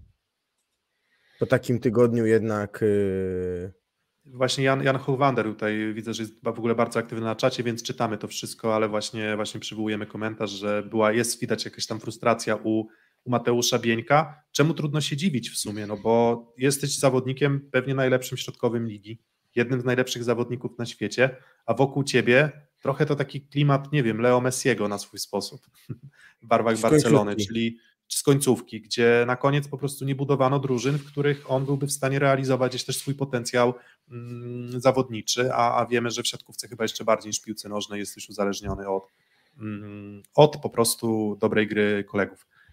Projekt Warszawa z drugiej strony przełamał się w meczu z Kuprum Lubin, gdzie niewiele brakowało do straty punktów, ale trzy punkty z Kuprum Lubin, następnie trzy punkty z PGS Kroł Chatów, trzy punkty z Ceradem Eneo Czarnymi Radą, mm, mecz z Radomiem i z, i z Boże, Kielcami, chciałem powiedzieć z Kielcami, i z, i z Lubinem i z Radomiem. E, oba te mecze były w, na korzyść projektu, jednak dość wyraźna była ta przewaga, natomiast nie, był, nie, nie były to takie jednoznaczne zwycięstwa, mm, więc cały czas jakieś tam wątpliwości mam. Kevin Tilly to właśnie to jest też przywołany przez kogoś, to jest bardzo ciekawy przykład tego, że w statystykach wydaje się, że to przecież nic nie daje. Bo ani, ani tak patrzysz na liczbę, jakby izolując liczbę Kevina Tilly, wydaje ci się, no tam w sumie to przyjęcie to wcale nie takie dobre. W ataku się trochę męczy, no bo cały czas myślę, że jeszcze nie jest w pełni dyspozycji fizycznej, ale um, możliwości obrony, y, możliwości grania kontr, dokładniejsza ta obrona, może krycie większej strefy w przyjęciu, większy komfort dla, dla Igora Grobelnego, dla Damiana Wojtaszka, ale to nie jest jedyny element, bo wydaje mi się, że już na przykład lepiej wygląda współpraca Fileja ze środkowymi. Nowakowski e, bardzo dobrze. Tak, dokładnie, więc, więc już powoli, powoli zaczynają się też budować atuty inne niż tylko powrót Kevina Tilly. On jest na pewno istotny, ale, ale, ale myślę, że to byłoby trochę zbyt uproszczona diagnoza tego, że projekt Warszawa zaczął grać lepiej.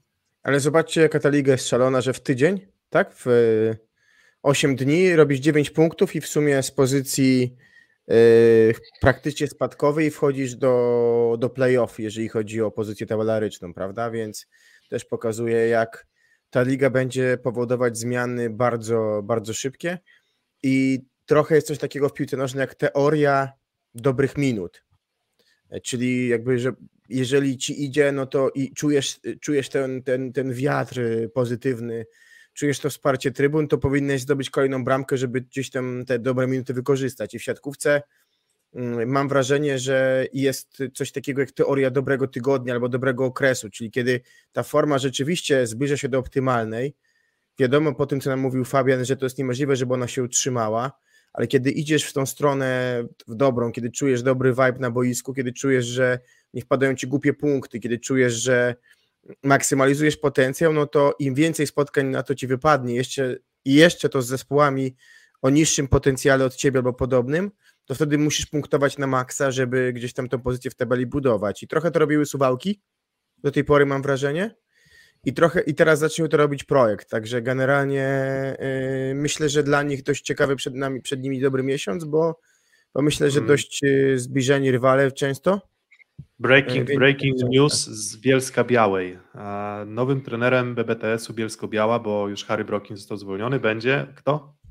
Sergiej Luke Reynolds. Siergiej Kapelus. Jednak tak. Siergiej, Siergiej Kapelus, który był, zdaje się, asystentem trenera Brookinga, e, Ale obejmie rolę. Tego, to, to, zaraz, zaraz myślę, że przejdziemy jeszcze do tego omówienia, tego, że no Bielsko wydaje się być jednak no, bardzo już, w sensie najbardziej odstającą drużyną ze wszystkich, no ale tak właśnie chciałem przerwać, że właśnie wyczytałem, że, że jednak Sergio Kapelus będzie, będzie nowym trenerem, więc nowy, kolejny zawodnik, e, były zawodnik plus ligi, doświadczony, wieloletni gracz, który będzie miał okazję spisać się w roli, mm, w roli trenera. No ciekaw jestem, czy, czy, czy, czy, czy utrzymają ciśnienie władzy i czy nie będzie zwolnienia Sergio Kapelusa, bo to nie jest drużyna, z którą łatwo będzie będzie punktować. Um, no dobra, czyli Piotrek, co, a to mamy- jest tak, że jakiś oficjalny komunikat, czy jakby jeszcze traktujemy to w ramach, Aj. e, że chyba będzie, ale nie jesteśmy w 100% jeszcze e, zaznajomieni przy, od klubu z tą informacją. To zależy, to zależy od tego, jak traktujesz oficjalne komunikaty Jakuba Balcerzaka na Twitterze. Były jakieś plotki dopiero były, że będzie Luke Reynolds, więc jakby sobie na początku zażartowałem, nie wiedząc w ogóle o tym, że Starcie E. Mavenów. Starcie Mavenów na Twitterze były różne koncepcje pojawiające Okej, się. no jeżeli. No, zresztą, dobra, krótki komentarz jest taki, że usłyszałem, że ma być, tak od ciebie usłyszałem, że jeśli to będzie Serki Kapelus, to niezależnie od tego, kto to będzie, to jakby od samego mieszania herbata się słodsza nie robi. Trzeba trochę cukru dodać. A jeśli asystentem trenera zastąpimy pierwszego trenera, no to trudno, żeby jakieś diametralne zmiany tam nastąpiły. I też nie chodzi o osobę trenera, moim zdaniem, w Biersku, tylko o skład personalny na boisku. A to póki co no jedyna zmiana wymuszona, pozbyć, w cudzysłowie, pozbyto się Zimmermana, pojawił się Pierre Puziol. I tu mi brakuje jednak na boisku trochę zmian, na lepsze, a nie na ławce trenerskiej. Bez sensu Dokładnie, byłaby ta no to- wymiana. Tak, to już możemy, możemy w sumie omówić. A- No, co musi posprzątać Kapelus, jeżeli faktycznie obejmie stanowisko I trenera? o ile Bo- jeszcze to nie jest tak, że powiedzmy kapelus tymczasowo, a szukamy kogoś innego na dłuższą metę, bo to może też tak jest. Na razie jesteśmy na żywo, nie wiemy dokładnie, co tam ma się dziać, ale, Ale panowie, no, co miałoby się wydarzyć? To znaczy, yy, zobaczcie, odchodzi Zimmerman do mm, Monzy. Zimmerman, który nie błyszczał w tych czterech kolejkach, oczywiście to też nie była ta reprezentatywna grupa, pomógł wygrać yy, z Radomiem. Idzie do Monzy, która ogrywa w dwóch meczach Lubę i ogrywa Piaczenzę, prawda? I więc generalnie mówimy, że no, odchodzi do środowiska innego i nagle notuje zwycięstwa, tak? No to co miałoby się wydarzyć na skrzydłach? Znaczy Jake Haynes jest jeszcze... zamiast 40 będzie dostawał 80 piłek. Okej, to możemy Znaczy- pójść to znaczy, wiecie- y, kobiecy, znaczy- tak? Znaczy z jednej, z jednej strony tak, ale z drugiej strony Kuba też biorąc pod uwagę to, jak wyglądało to Bielsko, to przez półtora seta do chyba stanu 7-6 z Indykpolem AZS-em Olsztyn w meczu w Iławie Bielsko nie miało ani jednej obrony, ani jednej obrony, nie podbili ani jednej piłki, dając sobie szansę na kontrę i wydaje mi się, że to jednak jest problem też gdzieś tam systemowy tej drużyny. W sensie, że to nie, są, to nie jest tylko kwestia. No, ciężko bronić Butryna, ciężko bronić AZS grający z, z niezłego przyjęcia, ale mimo wszystko to było dość zatrważające. To ta piłka Nie, zgadzam się z tym, oczywiście. Przypadkiem powinna się odbić, tak? Albo, albo chociaż zostać przybita za darmo, a nie na zasadzie, że to wszystko wpadało i wpadało. Nie wszystkie ataki AZS-u były w tym meczu y, pewne. Dużo było jakichś kiwek, drapów i wydaje To się, że prawda. po prostu, więc, więc to poza tym, że po prostu personalia BBTS-u odstają, no bo odstają, no bo, bo w zasadzie mówimy co, pewnie o najsłabszym lewym skrzydle w tym momencie w lidze, czy gra Formela, czy Urbanowicz, czy Gerdzie. Um, podobnie mówimy o pewnie, no nie wiem, poza Wochem, który wygląda chyba całkiem nieźle, no to w zasadzie dowolny jego partner do pary na środku też wygląda słabo. Na libero, Libero. ani Stewarski tak, wyglądał nieźle, tylko że został kontuzjowany akurat, więc tu trochę też pecha bielska. um, Ale, ale dokładnie, nieźle, więc, nieźle. Więc, więc no, no po prostu w tym momencie właśnie ktoś tam zadał pytanie na Twitterze, ilu zawodników z BBTS-u może liczyć na to, że znajdzie angaż w kolejnym sezonie, jeśli spadną. No i, no i w zasadzie Heinz, może Woch na trzeciego, czwartego gdzieś, albo ewentualnie w dole tabeli, bo myślę, że on miał dobry sezon też w pierwszej lidze, no o czym No i pewnie warto- warto Zawalski, tak, na trzeciego, czwartego gdzieś tam w jakimś zespole, tak? Ale kto mógłby grać w wyjściowym składzie? Nikt. Mm, Dokładnie, no i to, i to, to, to pokazuje tak naprawdę, znaczy może, może Jake Haynes y, w, mógłby być, nie wiem, zstępstwem za, strzelam kogo tam, Farynę? Szulca. Farynę, Szulca, tak, to, to, to tutaj, szczególnie, że jest młodym zawodnikiem, jeszcze jakiś tam potencjał ma. A na czacie Zimmerman, a nie Zimmerman, tak coś, to tutaj Grzegorz To Sikora niestety- zwraca uwagę. Tak. No dzięki. Ale, ale, ty, ale ty chyba nie... nie, wiemy, nie, czy będziemy mieć nie okazję jeszcze szpechem. wspominać o Zimmermanie, ale, Ha, dokładnie. ale dobrze dokładnie. wiedzieć. Dobrze wiedzieć, Zapamię- dzięki. My Zapamiętamy. możemy podyskutować o tym, jak się wymawia, jak się wymawia Lawije, czy coś takiego, a nie Albo- ja, ja z tej grupy językowej, a nie z tej Zimmerman czy I Zimmerman. podobno ale- jest Rolon Gerdzie, czy jakoś tak. Tak. Ge- Rolon, Rolon Gerdzie. No to Rolon Gerdzie też jak na razie nie, nie daje rady, więc y, mamy BBTS. Mm, No i co? I to chyba z tych takich wydarzeń kluczowych plus ligi w ostatnich momentach to, to chyba to, czyli Jastrzębski Węgiel dalej kontynuuje dobrą formę i wygrywa wszystko od deski do deski. Mm, Resowia nie, nie jest dłużna, nie, nie jest dłużna Jastrzębskiemu Węglowi, a jeżeli chodzi o całą resztę, to w zasadzie pomieszanie z poplątaniem.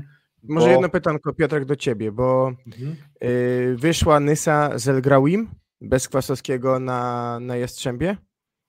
On osobiście nie wy, wyglądał dobrze, natomiast no, nic to nie dało łatwe i gładkie zwycięstwo Jastrzębia 3 do 0, mimo tego, że no, na, wtedy na środku oczywiście nie było, nie było Zerby, tylko byli Polacy, nie było Kwasowskiego. Wraca Daniel Pliński do wyjściowego ustawienia, czyli z Zerbą mm, i z Kwasowskim. I co się wydarzyło w meczu z Olsztynem? No co się wydarzyło? No to nie wiem, no trudno mi powiedzieć, no po prostu Nysa zagrała lepszy mecz. Y, Nie, nie, trochę nie doceniłem pewnie Nysy, tak, jakby nie doceniłem też ich możliwości, ale pierwszy raz Butryn i to też znowu pokazuje, no nie ma co się oszukiwać, że AZS jest uzależniony od Butryna, no, no tak jest po prostu. Myślę, że jakbyśmy Zwłaszcza szukali... wobec nieobecności Karlicka na boisku, który dużo dawał w ataku. Tak, no i z Karlickiem generalnie ponoć problem może być z tą stopą, bo tam problem z kontuzją stopy jest taki, że to jest trochę takie niezdiagnozowane i trochę nie wiadomo, kiedy Ka- Karlicek wróci. Więc fajnie, że jest Robert Andringa, natomiast no para Andringa i Lipiński no jest dość nieskuteczną jednak parą. W sensie jakbyśmy ocenili jakość lewego skrzydła, no to są tutaj braki. No i albo ten Lipiński będzie to faktycznie nadganiał, no bo w Andringa jakby na dystansie nie wierzę, ale właśnie zabrakło Butryna, no i w zasadzie co? Lewe zagrało tak, jak gra cały sezon, Butryn zagrał dużo słabiej. Mm, Nie było trochę- środka, bo przyjęcie. tak, trochę, trochę, ruszenia, mm, trochę ruszenia właśnie zagrywką ze strony Nysy, ale to był mecz, który wydaje mi się, że przede wszystkim mentalnie się rozegrał w głowie. Rozegrał się. Pierwszy set był oczywiście dla Nysy w 100%, ale i w drugim i w trzecim secie były szanse, były momenty, w których przecież AZS prowadził co 17-14, a potem co 7 punktów z rzędu w jednym ustawieniu z Butrynem na lewym skrzydle, gdzie zupełnie rozsypał się Tuaniga. No, jakby szacunek dla, e, dla Nysy, bo tam Żukowski po prostu wtedy szedł na zagrywkę i zrobił serię. A wcześniej te dwie kiwki w bardzo krótkim odcinku czasu weszły Żukowskiemu.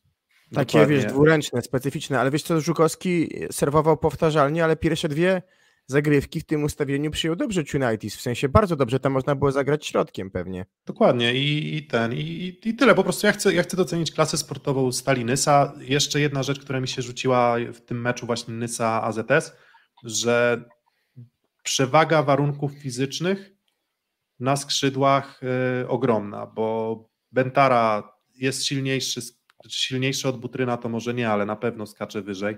Um, Gierżot też myślę, że, że, że, że ciężko było grać też Butrynowi przez Gierżota i Żukowskiego. Mm, Podobnie zresztą jak i na przykład Butryn no nie zagrał jakiegoś fantastycznego meczu z Zaksą na otwarcie, bo, bo po prostu są takie pary atakujący, rozgrywający, przeciwko którym gra się trudno. No i wydaje mi się, że i to samo zresztą Gierżot, tak? To samo, znaczy to w zasadzie w przypadku Butryna, no to przeszkadza Gierżot i Kwasowski. No to Butryn nie radził sobie z tym, z tym Gierżotem, a z kolei Andringa i Lipiński, bo trochę pomieszałem, ale Lipinga, li, li, Lipiński i Andringa nie radzili sobie z blokiem Żukowskiego i Bentary po prostu. I to był też bardzo słaby mecz Tuanigi. Wydaje mi się, że w sensie mimo wszystko mam nadzieję, że to wypadek przy pracy, ale to, to była taka pierwsza porażka, powiedziałbym w stylu Indykpolu AZS Olsztyn z ostatnich kilku sezonów, czyli jak Ci się wydaje, że ta drużyna idzie do przodu i że będzie już teraz regularnie, powtarzalnie punktować, to zawsze musi się trafić jeden mecz mm, tego typu, gdzie jedzie na, na, na, na, na, na, boisko rywala, którego nie musi ograć, ale może na pewno zdobyć punkty. No i przegrywa i po prostu trochę mentalnie się AZS rozsypał. Tak to, tak to po prostu. mm, Jeżeli tylko tak to pozwolisz dopowiedzieć, bo widziałem na czacie, że yy, komentarze, nie, moim zdaniem Elgraoui zagrał bardzo dobrze z Jastrzębie, bo, bo najlepiej ze wszystkich skrzydłowych, no ale taki ma pech, że to nic nie dało, potem weszła para podstawowa i dla mnie już nie wiem, czy będzie tak chętny do zmian Daniel Pliński w trakcie sezonu, skoro ta para Gierżot, Kwaszowski, Bentara na, na skrzydłach punktuje. Nie, też tytułem uzupełnienia też padło to na czacie gdzieś w którymś ostatnim programie Łukasz Kadziewicz wspomniał, że Kamil Kwasowski nie grał przez jakąś tam lekką kontuzję, więc jakby stąd wynikała jego absencja i dlatego Kwasowski wtedy zagrał, znaczy zaczął mecz po prostu na ławce. Okej. No, e, tutaj widzę jeszcze ten e, pytanie od Jana Hochwandera o problemy z przy budowie nowej hali Urania. No tak, to tutaj właśnie ISG, em, ISG tutaj też myślę, że dobrze odpowiedział, że mm, no, decyzja o tym, o wykonawcy, o wszystkim była tak naprawdę przed wojną. była, mm, była wydaje mi się, że gdzieś tam w trakcie COVID-u, ale jeszcze przed widocznymi tymi powiedzmy presją inflacyjną, więc y, nie ma ludzi do pracy też z uwagi na to, że część Ukraińców pracujących przy budowach po prostu wróciło do, mm, do swojego kraju, więc to wszystko powoduje i a przez to, że nie ma tych ludzi, to siłą rzeczy oczywiście jest presja cenowa, płacowa na, na to, żeby tym ludziom płacić więcej. Mm, no i jest tam w tym momencie, jeżeli dobrze kojarzę, mediator, który ma ten problem jakoś rozstrzygnąć pomiędzy właśnie Wydziałem Inwestycji w Olsztynie a, a wykonawcą po prostu. No ale zapowiada się na to, że wykonawca bez dosypania ilu milionów złotych, nie wiem, ale, ale bez dosypania iluś tam milionów złotych po prostu nie będzie w stanie tego sfinalizować. Prace się toczą, cały czas się toczą, no ale po prostu na pewnym etapie może dojść do momentu, w którym wykonawca nie będzie miał środków na to, żeby, żeby, żeby kontynuować. Um, dobra, e, i co? I chyba przechodzimy do takiego podsumowania już indywidualnego. Mamy przygotowany szereg statystyk, um, szereg statystyk i też liczb i takich naszych też wyborów zawodników, którzy naszym zdaniem są najlepsi, więc tutaj mamy nadzieję, że też w dyskusji będziecie nas wspierać. E, pytanie o sytuacji przyjmującej w Lublinie, mm, nie wiem. Mm, wiem, że Wachnik kontuzją, więc nie wiem, co się dzieje, nie wiem, co się dzieje właśnie z szerszeniem, na ile poważny jest to E, na ile poważny jest to, jest to problem. Ale detali nie znam, więc wydaje mi się, że para Jóźwik e, Włodarczyk będzie musiała zagrać mecz e, właśnie z Lysą. Pojawiały się plotki, że może Dariusz Daszkiewicz nie zachowa swojej posady, ale przyszło to spotkanie z Zawierciem, gdzie Lublin prowadził 2 do 0 i Urosz Kowacewicz uratował skórę Zawiercianom. To takie zdanie na podsumowanie co do Lublina było moje takie gdzieś w głowie, że walczyli jak zawsze, walczyli jak nigdy, przegrali jak zawsze.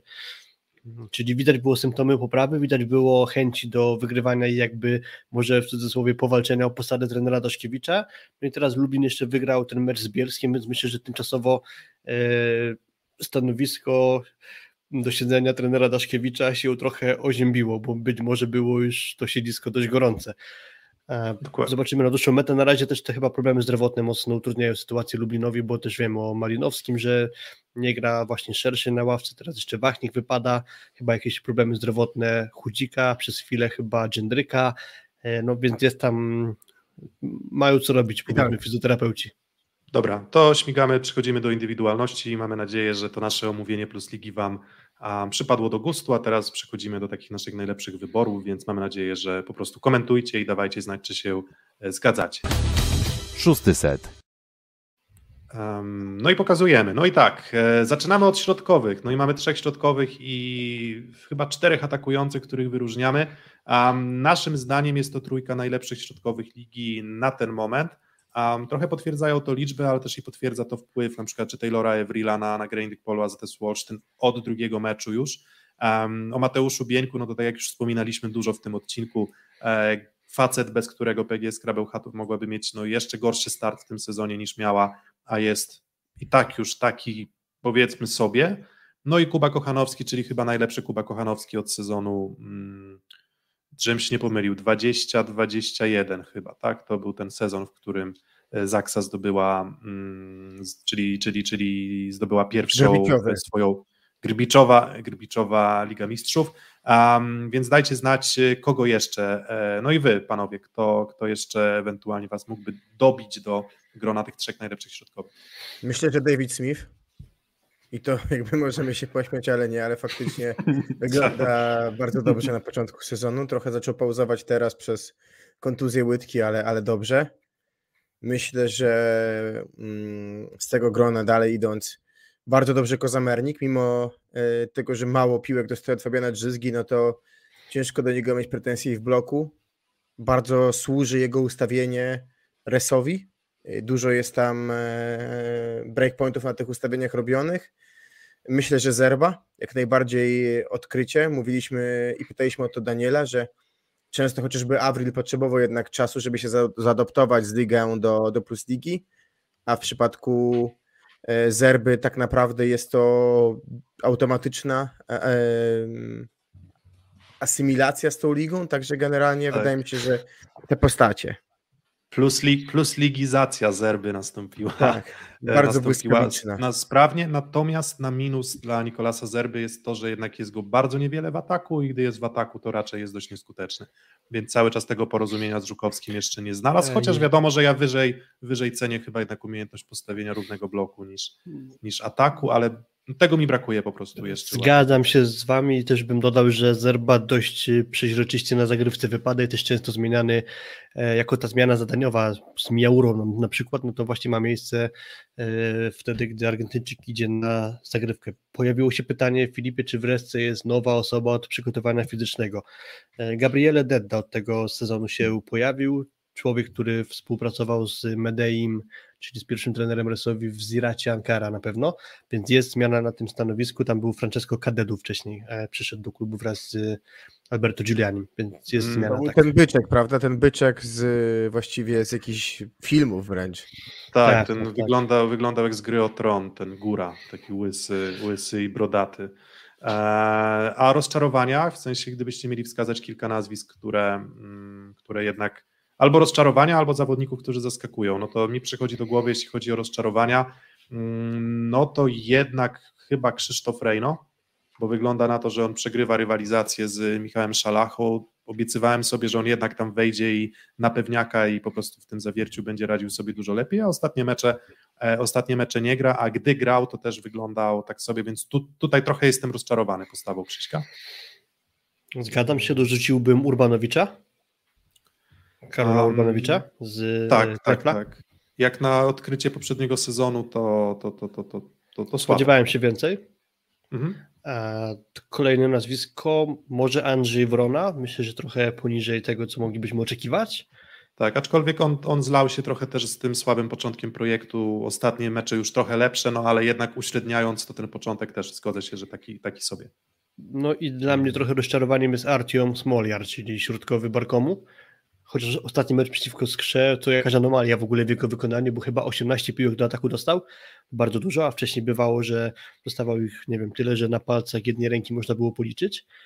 Zdarzają mu się trochę takie zagrania ala Piotr Nowakowski, myślę, że już każdy wie o co chodzi, czyli dość elektryczne i takie wynikające jakby z, z uśmiechem, to mówię z sympatią, jakby nie wiem, jakby to nazwać, z niefrasobliwości wynikające. Też jak na środkowego, który miewał bardzo dobre okresy w Rosji, no to spodziewałem się trochę więcej, tylko też jakby na jego usprawiedliwienie być może dodam, że ostatnio Łukasz Chadziewicz powiedział, że on miał kończyć z graniem w siatkówkę przed sezonem, więc być może trochę już niejako z urlopu został i- wyrwany do, do Plus Ligi, więc może to go trochę usprawiedliwia, ale spodziewałem się trochę więcej. No i Mm, tutaj Filip kiedyś tam memy, Kościół, a on przegrał rywalizację chyba z Sebastianem Wardą, prawda? Tak, więc to też jest, to też na pewno jest rozczarowanie. Tutaj komentarz, że Wrona dobrze w ataku. No nie jest dobrze w ataku, bo jest jednym z najgorzej atakujących, jeżeli chodzi o parametry zawodników. Zresztą z Nowakowskim ta współpraca Firleja też wyglądała słabo, z Semeniukiem jak grał, też tak sobie. A Wrona dla mnie czwarty od końca w efektywności ataków wśród środkowych, z tego co widzę. dokładnie. Dla mnie jakimś takim małym od- odkryciem jest też e, Szczurow z, z Lwowa, który, który jest młodym też zawodnikiem, no bo on ma 21 lat dopiero, a, a, a już, już wygląda lepiej.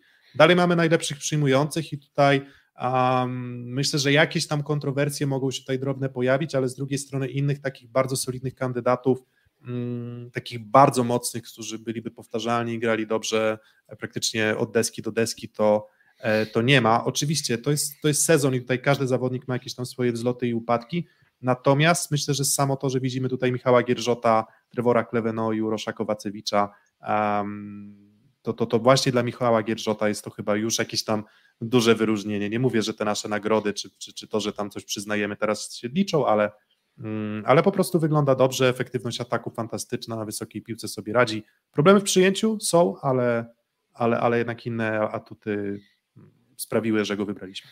Ale on To- często czyści, wiesz Filip, zobacz, on często czyści te piłki wy, wysokie i w sumie poza Jastrzębiem, no to on się w każdym meczu bronił bardzo. Może momenty ze Skrą, kiedy się trochę mniej bronił, ale na przykład z Zaksą jego występ chyba najbardziej przyjęciu zaimponował. W przyjęciu Mm. głównie miewał problemy.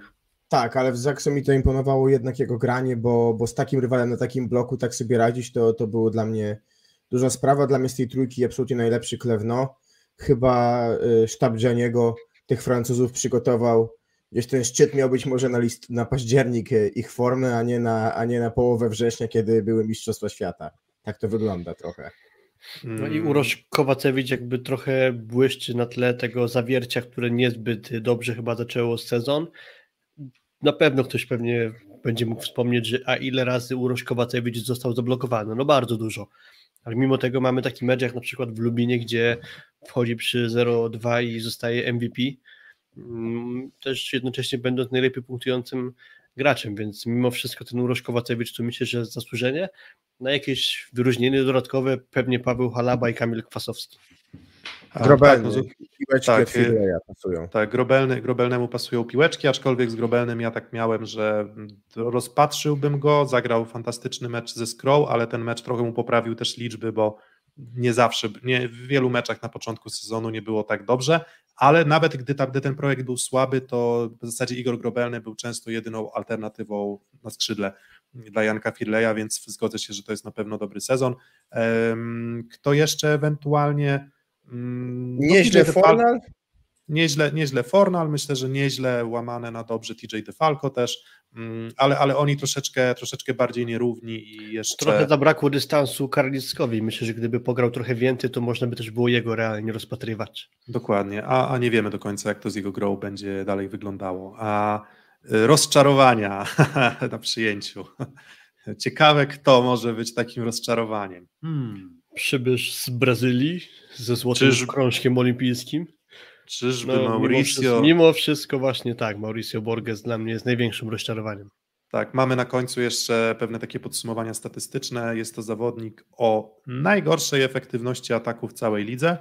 Zawrotne, jeżeli dobrze kojarzę, 5% efektywności na ten moment i to jest wynik, którego ja na takim dystansie ataków mm, w historii ligi po prostu po prostu nie pamiętam, więc e, a jeszcze gdyby było tak, że faktycznie on dawałby dużo jakości w innych elementach, a tu się okazuje, że, mm, że nie, więc e, całkowity, całkowity disaster. No i myślę, że Bartłomiej Lipiński też trzeba to uczciwie przyznać, że ten początek sezonu średni. Dorzuciłbym też pewnie Wojciecha Ferenca jeszcze. Do tych rozczarowań oczywiście. Um, przeskakujemy do atakujących. Tutaj mamy Aleksandra Atanasiewicza, o którym już wspominaliśmy, że bez niego PGS Krabełchatów miałaby duże problemy. Um, Stefan Błaje, um, Bentara, no i daliśmy jeszcze Karola Butryna, taka czwórka. Karol Butryn już też tych statuetek MVP nabił chyba trzy lub cztery w tym sezonie, wydaje mi się, że trzy. Mm, więc y, on był też jednym z tych architektów y, zwycięstw Indykpolu AZS Wolsztyn. E, Wasim Bentara, to poza aspektami wizualnymi, to no nieco słaby mecz z Jastrzębskim Węglem, ale znowu, kto nie miał tutaj słabego meczu? No i słabego meczu praktycznie nie miał Stefan Boye, który... E, MVP na razie sezonu i to myślę, że z dużą przewagą. Dokładnie. Aleksander Atanasiewicz, e, no to też mówię, to, to, to mówi samo za siebie, plus on jeszcze zagrywką mm, potrafił poskładać niejedną już przyjęcie w lidze. Mm, rozczarowania? Bartosz Filipiak? Dawid hmm. Konarski, Linus hmm. Weber.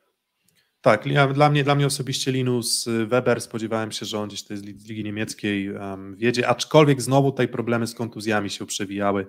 Weber powiedział jego... z niemieckiej, z włoskiej. Spadwy, We... spadwy przyszedł. E, tak, sorry, z, miałem na, sorry, to tutaj się zakręciłem. Tak, włoska oczywiście, przepraszam, miałem na myśli, miałem na myśli włoską ligę ale i spodziewałem się, grał też. Tak, no ale właśnie, ale to myślę, że ostatnie doświadczenie się liczy najmocniej, więc y, tylko, że on znowu też problemy zdrowotne na początku sezonu, więc grał też, no bo, bo trochę dlatego, że, mm, że musiał, no i znowu y, on zagrywką trochę się bronił, ale jeżeli chodzi o atak, to na razie jakoś tam alternatywą mm, fantastyczną dla Firleya mm, nie jest. Um, Pewnie Faryna kontynuuje poprzedni sezon, e, jeżeli chodzi o granie, oczywiście to sytuacja awaryjna, późno dołączony do, do luku, ale chyba tak to wygląda. Moim zdaniem Dokładnie. zaskakująco ok Damian Schulz, to znaczy lepiej niż się spodziewałem, bo najrówniej mm. wygląda w Radomiu. Tak, Padło już na czacie, że Damian Schulz właśnie jako rozczarowanie. Natomiast jak dla mnie to nie, nie jest rozczarowanie. Bardziej gra nie, to, co się spodziewałem, czyli bez Nawet żadnych plus. rewelacji, ale, ale to nie jest kula u nogi. Akurat w Radomiu tam są chyba poważniejsze problemy. Dokładnie. No i właśnie faktycznie Dawid Konarski, jak na razie narodziny, narodziny dziecka mu nie sprzyjają, jeśli chodzi no o formę sportową. Zgadzam się też z tym, co padło na czacie, że Konar też zaczynał słabo rok temu, ale nie wiem, czy teraz jest gorzej. No rok temu słabo zaczynał, po czym ostatnie mecze medale było mówione, że Konar do kadry, więc dajmy mu się rozkręcić. Na razie podsumowujemy 7 kolejnych. Niech zapłonie. Dokładnie, dokładnie. Może, może, w, tak, może w końcu zapłonie. Przy czym wiecie, to jest tak, że to, to, że raz się udało odbudować formę i zacząć grać lepiej, nie oznacza, że i w tym sezonie to też będzie jakaś gwarancja. Mm, no ale zobaczymy, zobaczymy. Oceniamy tu i teraz. No i panowie, przyjęcie Koi myślę jeszcze, bo, bo spodziewa Lanza myślę, że no nie było takich oczekiwań jak jednak Koi, który lepiej rok temu wyglądał. Um, Więcej dokładnie. czyścił wysokiej. Um, najlepsi rozgrywający Fabian Drzyzga i um, Cifamej Żukowski Matias Sanchez, takie trzy postaci. Um, no i dlaczego takie postaci? Trochę, dla, trochę z braku laku, bo myślę, że nie za bardzo jest, znaczy ciężko jest chwalić Benjamina Toniutiego, bo wydaje mi się, że dużo więcej niedokładności, nawet jak w poprzednim sezonie były, teraz mam wrażenie, że to jakość indywidualna zawodników y, mm, trochę pomaga Toniutiemu gdzieś tam korygować jego błędy. Mm, dalej, w zawierciu Tavares moim zdaniem gra mm, przewidywalnie, gra powtarzalnie, nadużywa Urosza Kowacewicza i tak dalej moglibyśmy wymieniać po kolei zawodników z każdej innej drużyny i pewnie byśmy się doczepili do, mm, do każdego rozgrywającego, więc wydaje mi się, że ta trójka na razie po prostu i drużyny prezentują wyniki ponad stan, co na pewno rzutuje na ocenę rozgrywających, ale to są po prostu zawodnicy, którzy sprawiają, że, że zawodnikom atakuje się łatwiej, wszystkim tak naprawdę w ich drużynach. Więc... Y, na, na Twitterze niektórzy użytkownicy twierdzą, że najlepiej w tej chwili gra rozegrany na świecie Fabian Drzyzga. Nie, nie, nie, nie, myślę, że to nie jest dzisiaj kluczowe, żeby ocenić, natomiast wygląda bardzo dobrze w porównaniu poprzednich lat i wygląda najrówniej na pewno z Polaków na tej pozycji. A jeżeli chodzi o Sancheza i Żukowskiego, to przypomina mi się pierwsza kolejka, kiedy sobie rozmawialiśmy jak różni rozgrywający. Jeden taki subtelny, delikatny, palec boży wręcz w tym rozegraniu, a drugi dok dokładny, solidny, ale no jednak bez takiego błysku. No ale jedno i drugie się sprawuje, no bo obie drużyny grają ponad stan i myślę, że w buty Sekity bardzo mocno wszedł Sanchez, czy on swoim rozegraniem pomaga, a nie przeszkadza i myślę, że fakt jego luki w bloku jednak jest rekompensowany tym i myślę, że to jest jakaś wskazówka dla, dla naszych y, działaczy, że warto wziąć często rozgrywającego sztampowego, nawet jeżeli fizycznie może nie dojechać do ligi, a, Żukowski wszystko co najlepsze pokazuje, czyli fajnie wprowadza Gierżota. Myślę, że dla młodego zawodnika taki rozgrywający to skarb. Mm, wykorzystuje Bentarę. Może nie lubi grać środka, więc nie gra, ale daje też zagrywką, daje też blokiem. No fajnie, fajnie takiego zawodnika widzę widzieć, bo spodziewałem się jednak trochę bardziej obecnego Kampy na tej pozycji niż, niż Żukowskiego, w sensie jeżeli chodzi o poziom. Mm, no to nazwiska już bez komentarza, e, te, które rozczarowują. Paweł Wojicki. Kampa. Chodź. No właśnie, tutaj Don Kamil mówi, że Kampa zamiast Sancheza, no ja się nie zgodzę, bo moim zdaniem Kampa nie wygląda zbyt dobrze, aczkolwiek ten materiał, z którego szyję w tym sezonie jest trochę taki sobie, więc moim zdaniem Wojicki, moim zdaniem też dość słabo wygląda Pająk w elemencie rozegrania. Um, no Marcin to, to Komenda, myślę, trochę rozczarowanie. Tak. Ale e, się trochę dźwignął w ostatnich meczach. Um, no i rozczarowanie, tutaj mówią, że też um, trochę Tuaniga podpowiada Ar Arwena. Moim zdaniem to nie jest rozczarowanie, moim zdaniem i tak jest lepiej niż miał być. W sensie w porównaniu do poprzedniego sezonu w Suwałkach. A lecimy dalej, teraz już mamy najlepszych libero. Um, bez chyba specjalnego zaskoczenia Luke Perry mm, przerasta drużynę Trefla Gdańsk. On, on i Bartłomiej Bołądź wygląda na to, że na ten moment są zawodnikami trochę z innej bajki, a znaczy czy Bołądź to jeszcze można tam postawić znak zapytania, ale myślę, że, że Perry po prostu przerasta swoich kolegów z drużyny i, i, i no i mówię, moim zdaniem jest po prostu najlepszym libero ligi artysta, mm, na ten moment.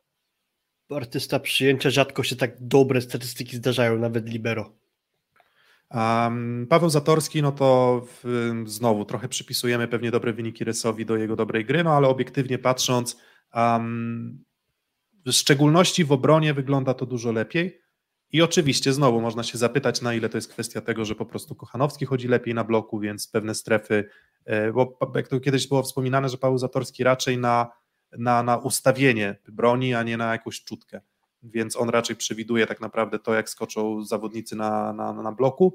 No i skaczą równiej, więc on też korzysta na tym, ale było wiele piłek, które dla mnie charakterystyczną taką obroną Zatorskiego jest, piła idzie mocno po skosie i on wychodzi w piłkę na trzeci metr i jest w stanie to podbić praktycznie na nos do rozgrywającego i takie obrony wróciły, więc myślę, że Paweł Zatorski, no a Popiwczak trochę z braku laku, bo też nie uważam, że jest to jakiś jego najwspanialszy początek, ale mm, no ale w zasadzie jak nie on, to co do Pawła Zatorskiego też warto może zwrócić uwagę, że jak spojrzymy na jego statystyki, to tylko w jednym meczu zdarzały mu się błędy w przyjęciu. A, czyli zagrał pięć razy, bo był kontuzjowany i w czterech zagrał na zero błędów w przyjęciu, a w poprzednim sezonie dość często mu się przydarzały błędy, bezpośrednio takie. Co do No rozczarowań, często. myślę, że Santiago Danani, ciężkie wejście, podobnie jak Elisz chodzi rok temu w Zachsie. Chociaż zobaczcie, że teraz zagrał bardzo dobrze z y, Katowicami i moim zdaniem to jest trochę charakterystyka. Trochę słabszy zespół już i jest lepiej. Myślę, że po prostu to jest ten brak nawyku grania tak regularnie z tak topowymi zespołami, kiedy nie jesteś w top formie. I Myślę, że to, to wyszło. Mm, dokładnie. I, em, I co? No i, no i Kanajew? tyle tak naprawdę. Tak, Kanajew wygląda chyba słabiej. Spodziewaliśmy się, że jednak, e, jednak będzie wyglądał, e, wyglądał trochę lepiej. W zasadzie Kanajew i, i, i, i Żukow. E, Tutaj nie wiem, Don Kamil, trudno mi powiedzieć, co tam jeszcze z tym Lukiem, Lukiem Perinem. e, dobra, e, no i co? No i to są nasze, tak, i to są nasze, nasze wybory mm, z oczarowań. No, pier, o właśnie, debiut Kuby Hawryluka, co warto wspomnieć, bo to są właśnie debiuty, udany debiut, znaczy niezły debiut y, Kubickiego w barwach Kuprum, żeby nie powiedzieć, że nawet dobry z projektem, bo on bardzo duży pozytywny impuls dał. Mm, Dobry był debiut Szymendery też, więc ciekawe, czy jeszcze dostanie tam i kiedy dostanie szansę, ale przez kontuzję Karlicka. no jest- Nasewicz na ataku. tak, Tak. Nasewicz na ataku tak z Jastrzębskim Węglem. A, no i co jeszcze z tych debiutów?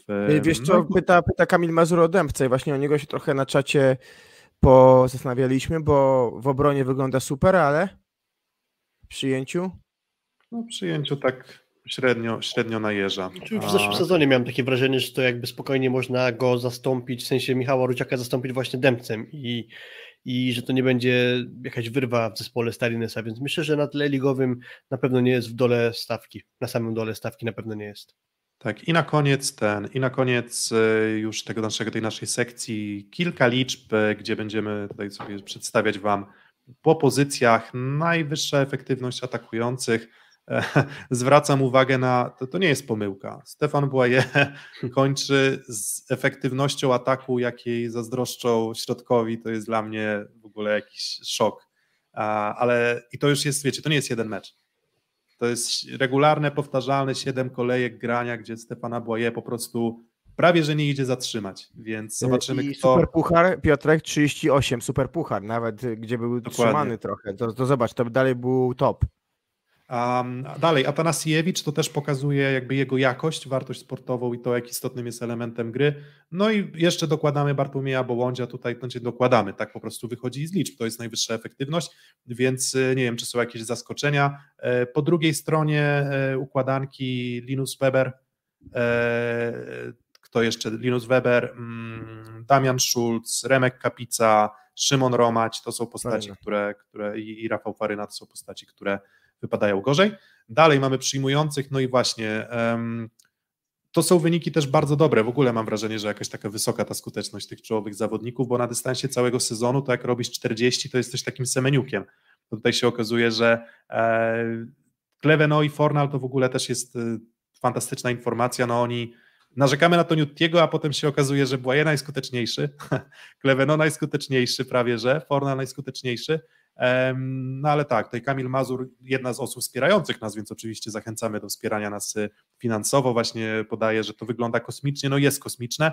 Ja na dystansie całego sezonu kojarzę 48% efektywności Leona w Serie A w jednym z sezonów i to jest tyle, więc te 50 to jest na razie jakiś tam niebywały kosmos. Mm, Ale zwróćcie uwagę, Gierżot Kwasowski, Nysa, lewe skrzydło, super. Kleveno, Fornal, Jastrzębski Węgiel, lewe skrzydło, super. No i Igor Grobelny 39,5, z czego spora część to te 18 na 21 chyba w meczu z PGS Bełchatów, czyli też kapitalny jeden wynik, więc to jeszcze się będzie trochę zmieniać, ale na pewno wszyscy ci zawodnicy się e, wyróżniają. Mm, Środkowi, e, Taylor Avril, Jan Kozamernik, Jakub Kochanowski, co też pokazuje jakość gry drzyzgi na środkiem. Janek Nowakowski i David Smith to są postaci z, ze ścisłego topu, no ale znowu te, te parametry Taylora Evrila um, znowu też bardzo imponują. On jeszcze do tego dokłada, co zaraz pokażemy, też fantastyczny blok. Um, Jan Kozamernik nie atakuje dużo, bo ty Filip wspominałeś, że on rzadko atakuje, ale e, ale, ale, ale ostatnio ale... ze Zaksą chyba tylko jedną lub dwie piłki mniej niż Kochanowski dostał, więc to też czasem bywa, że dostanie trochę więcej, ale generalnie no. mało w końcu cię posłuchał Fabian Drzyzga i stwierdził, że no jednak Dako Zamernikowi trochę więcej piłek. Janek Nowakowski trochę się otrząsnął, najjaśniejszy punkt chyba hmm, chyba Lublina. Wczoraj fantastyczne granie z Bielskiem, mocno z niego korzystał Komenda i to było bardzo skuteczne. Dokładnie, no i David Smith, no tutaj Kuba Lewandowski, Kuba Lewy 600, y, jest znanym wyznawcą kościoła. Bloki na set, no to tutaj właśnie Nikolas Zerba, e, Taylor Evril, znowu Kuba Kochanowski, Dmytro Paszycki i Mateusz Bieniek, który niby nie potrafi blokować, ale trzeba tutaj wziąć pod uwagę to, że on 8 bloków zrobił czy 9 w jednym meczu z Lwowem. I to na pewno bardzo znacząco poprawiło mu te statystyki średnią, średnią no ale to jakby nie, nie, nie zmienia faktu, że, że, że Bieniu gdzieś udało mu się mm, wbić jeszcze do, do tej klasyfikacji, więc tutaj Zerba najwyżej, Dmytro Paszycki i Mateusz Bieniek. E, procent asów, co też może być ciekawe i zaskakujące, Remigiusz Kapica najczęściej zagrywa asy, mm, dalej mamy Linusa Webera, Moritz Karlicek, który nabił sobie tych asów e, do momentu kontuzji, Stefan Błaje, który jak się okazuje nie tylko e, atakuje, ale też jeszcze dokłada fantastyczną zagrywkę i wydaje mi się, że na bloku też, też punktuje nieźle jak na skrzydłowych, więc więc świetnie. No i Karol Butryn też uzupełnienie, czyli Karlicek i Butryn byli mocnym atutem AZS-u, jeżeli chodzi o zagrywkę. No i co? No i najniższa efektywność. Zaskoczenia? Kowaliów no może jeszcze, trochę, No właśnie, zaskoczenia może jakby z, tylnych, z tylnego szeregu trochę właśnie Kowalow się pojawił, a, a co do Borgesa, no to jeszcze też trzeba wspomnieć, że on bardzo długo był na ujemnej efektywności, dopiero gdzieś niedawno wypłynął z tą efektywnością ataku powyżej zera. Dokładnie, więc e, tutaj właśnie był wspomniany Jakub Czerwiński, on wizualnie chyba wygląda w ataku nieźle, ale cały czas wydaje mi się, że po prostu siły fizycznej brakuje trochę Kubie, żeby, mm, żeby te ataki kończyć, więc e, ułoży to, trochę, trochę Mateusz Janikowski bym przyrównał, też lewa tak. ręka, też taki zawodnik, gdzie tam się obiecuje i w sumie zachwycamy się, bo on potrafi grać siatkówkę. Po prostu, w sensie jest technicznie, są bardzo dobrze ułożeni, natomiast no, czasem potrzebne jest trochę e, trochę brutalnej, brutalnej siły. No i Konrad Formela z zawodników, którzy też słabo wyglądają, to jest, czy to jest Urbanowicz z Bielska, czy to jest Gerdzie, czy Formela, no to to lewe skrzydło po prostu wygląda e, słabo, słabo też wygląda Wojtek Ferenc, no ale to jakaś tam garść liczb, którą chcieliśmy Wam przedstawić jeszcze na podsumowanie kolejki. Na no Liga.pl tego nie ma, także. Dokładnie, na Liga.pl tego nie ma, więc to my E, czy w zasadzie my, ja, ja, ja przygotowuję te statystyki, więc e, jeżeli będziecie chcieli się dowiedzieć czegoś więcej, czy na przykład drużynowych porównań, to dawajcie znać, będziemy starali się też te nasze live'y wzbogacać. E, a za dzisiaj dziękujemy. Mm, odpalajcie mecz PGS Krybełchatów ze Ślepskim Malow Suwałki i do usłyszenia już wkrótce. Mm, wstępny plan mamy taki, że w przyszły poniedziałek zapowiemy Ligę Mistrzów. Więc... Będziemy mieli gościa, więc śledźcie nasze social media, na pewno nie przekapicie transmisji, będziecie wiedzieć czego się spodziewać. Dokładnie, Liga Mistrzów się zaczyna, więc e, jak brakowało Wam grania, to teraz będziecie mieli granie już w ogóle plus Liga, Liga Mistrzów, plus Liga, Liga Mistrzów i tak przez następne kilka miesięcy, więc powodzenia Wam wszystkim życzę i nam również. Trzymajcie się, dzięki za dzisiaj. Cześć. Dzięki, Cześć, do pa. usłyszenia, cześć.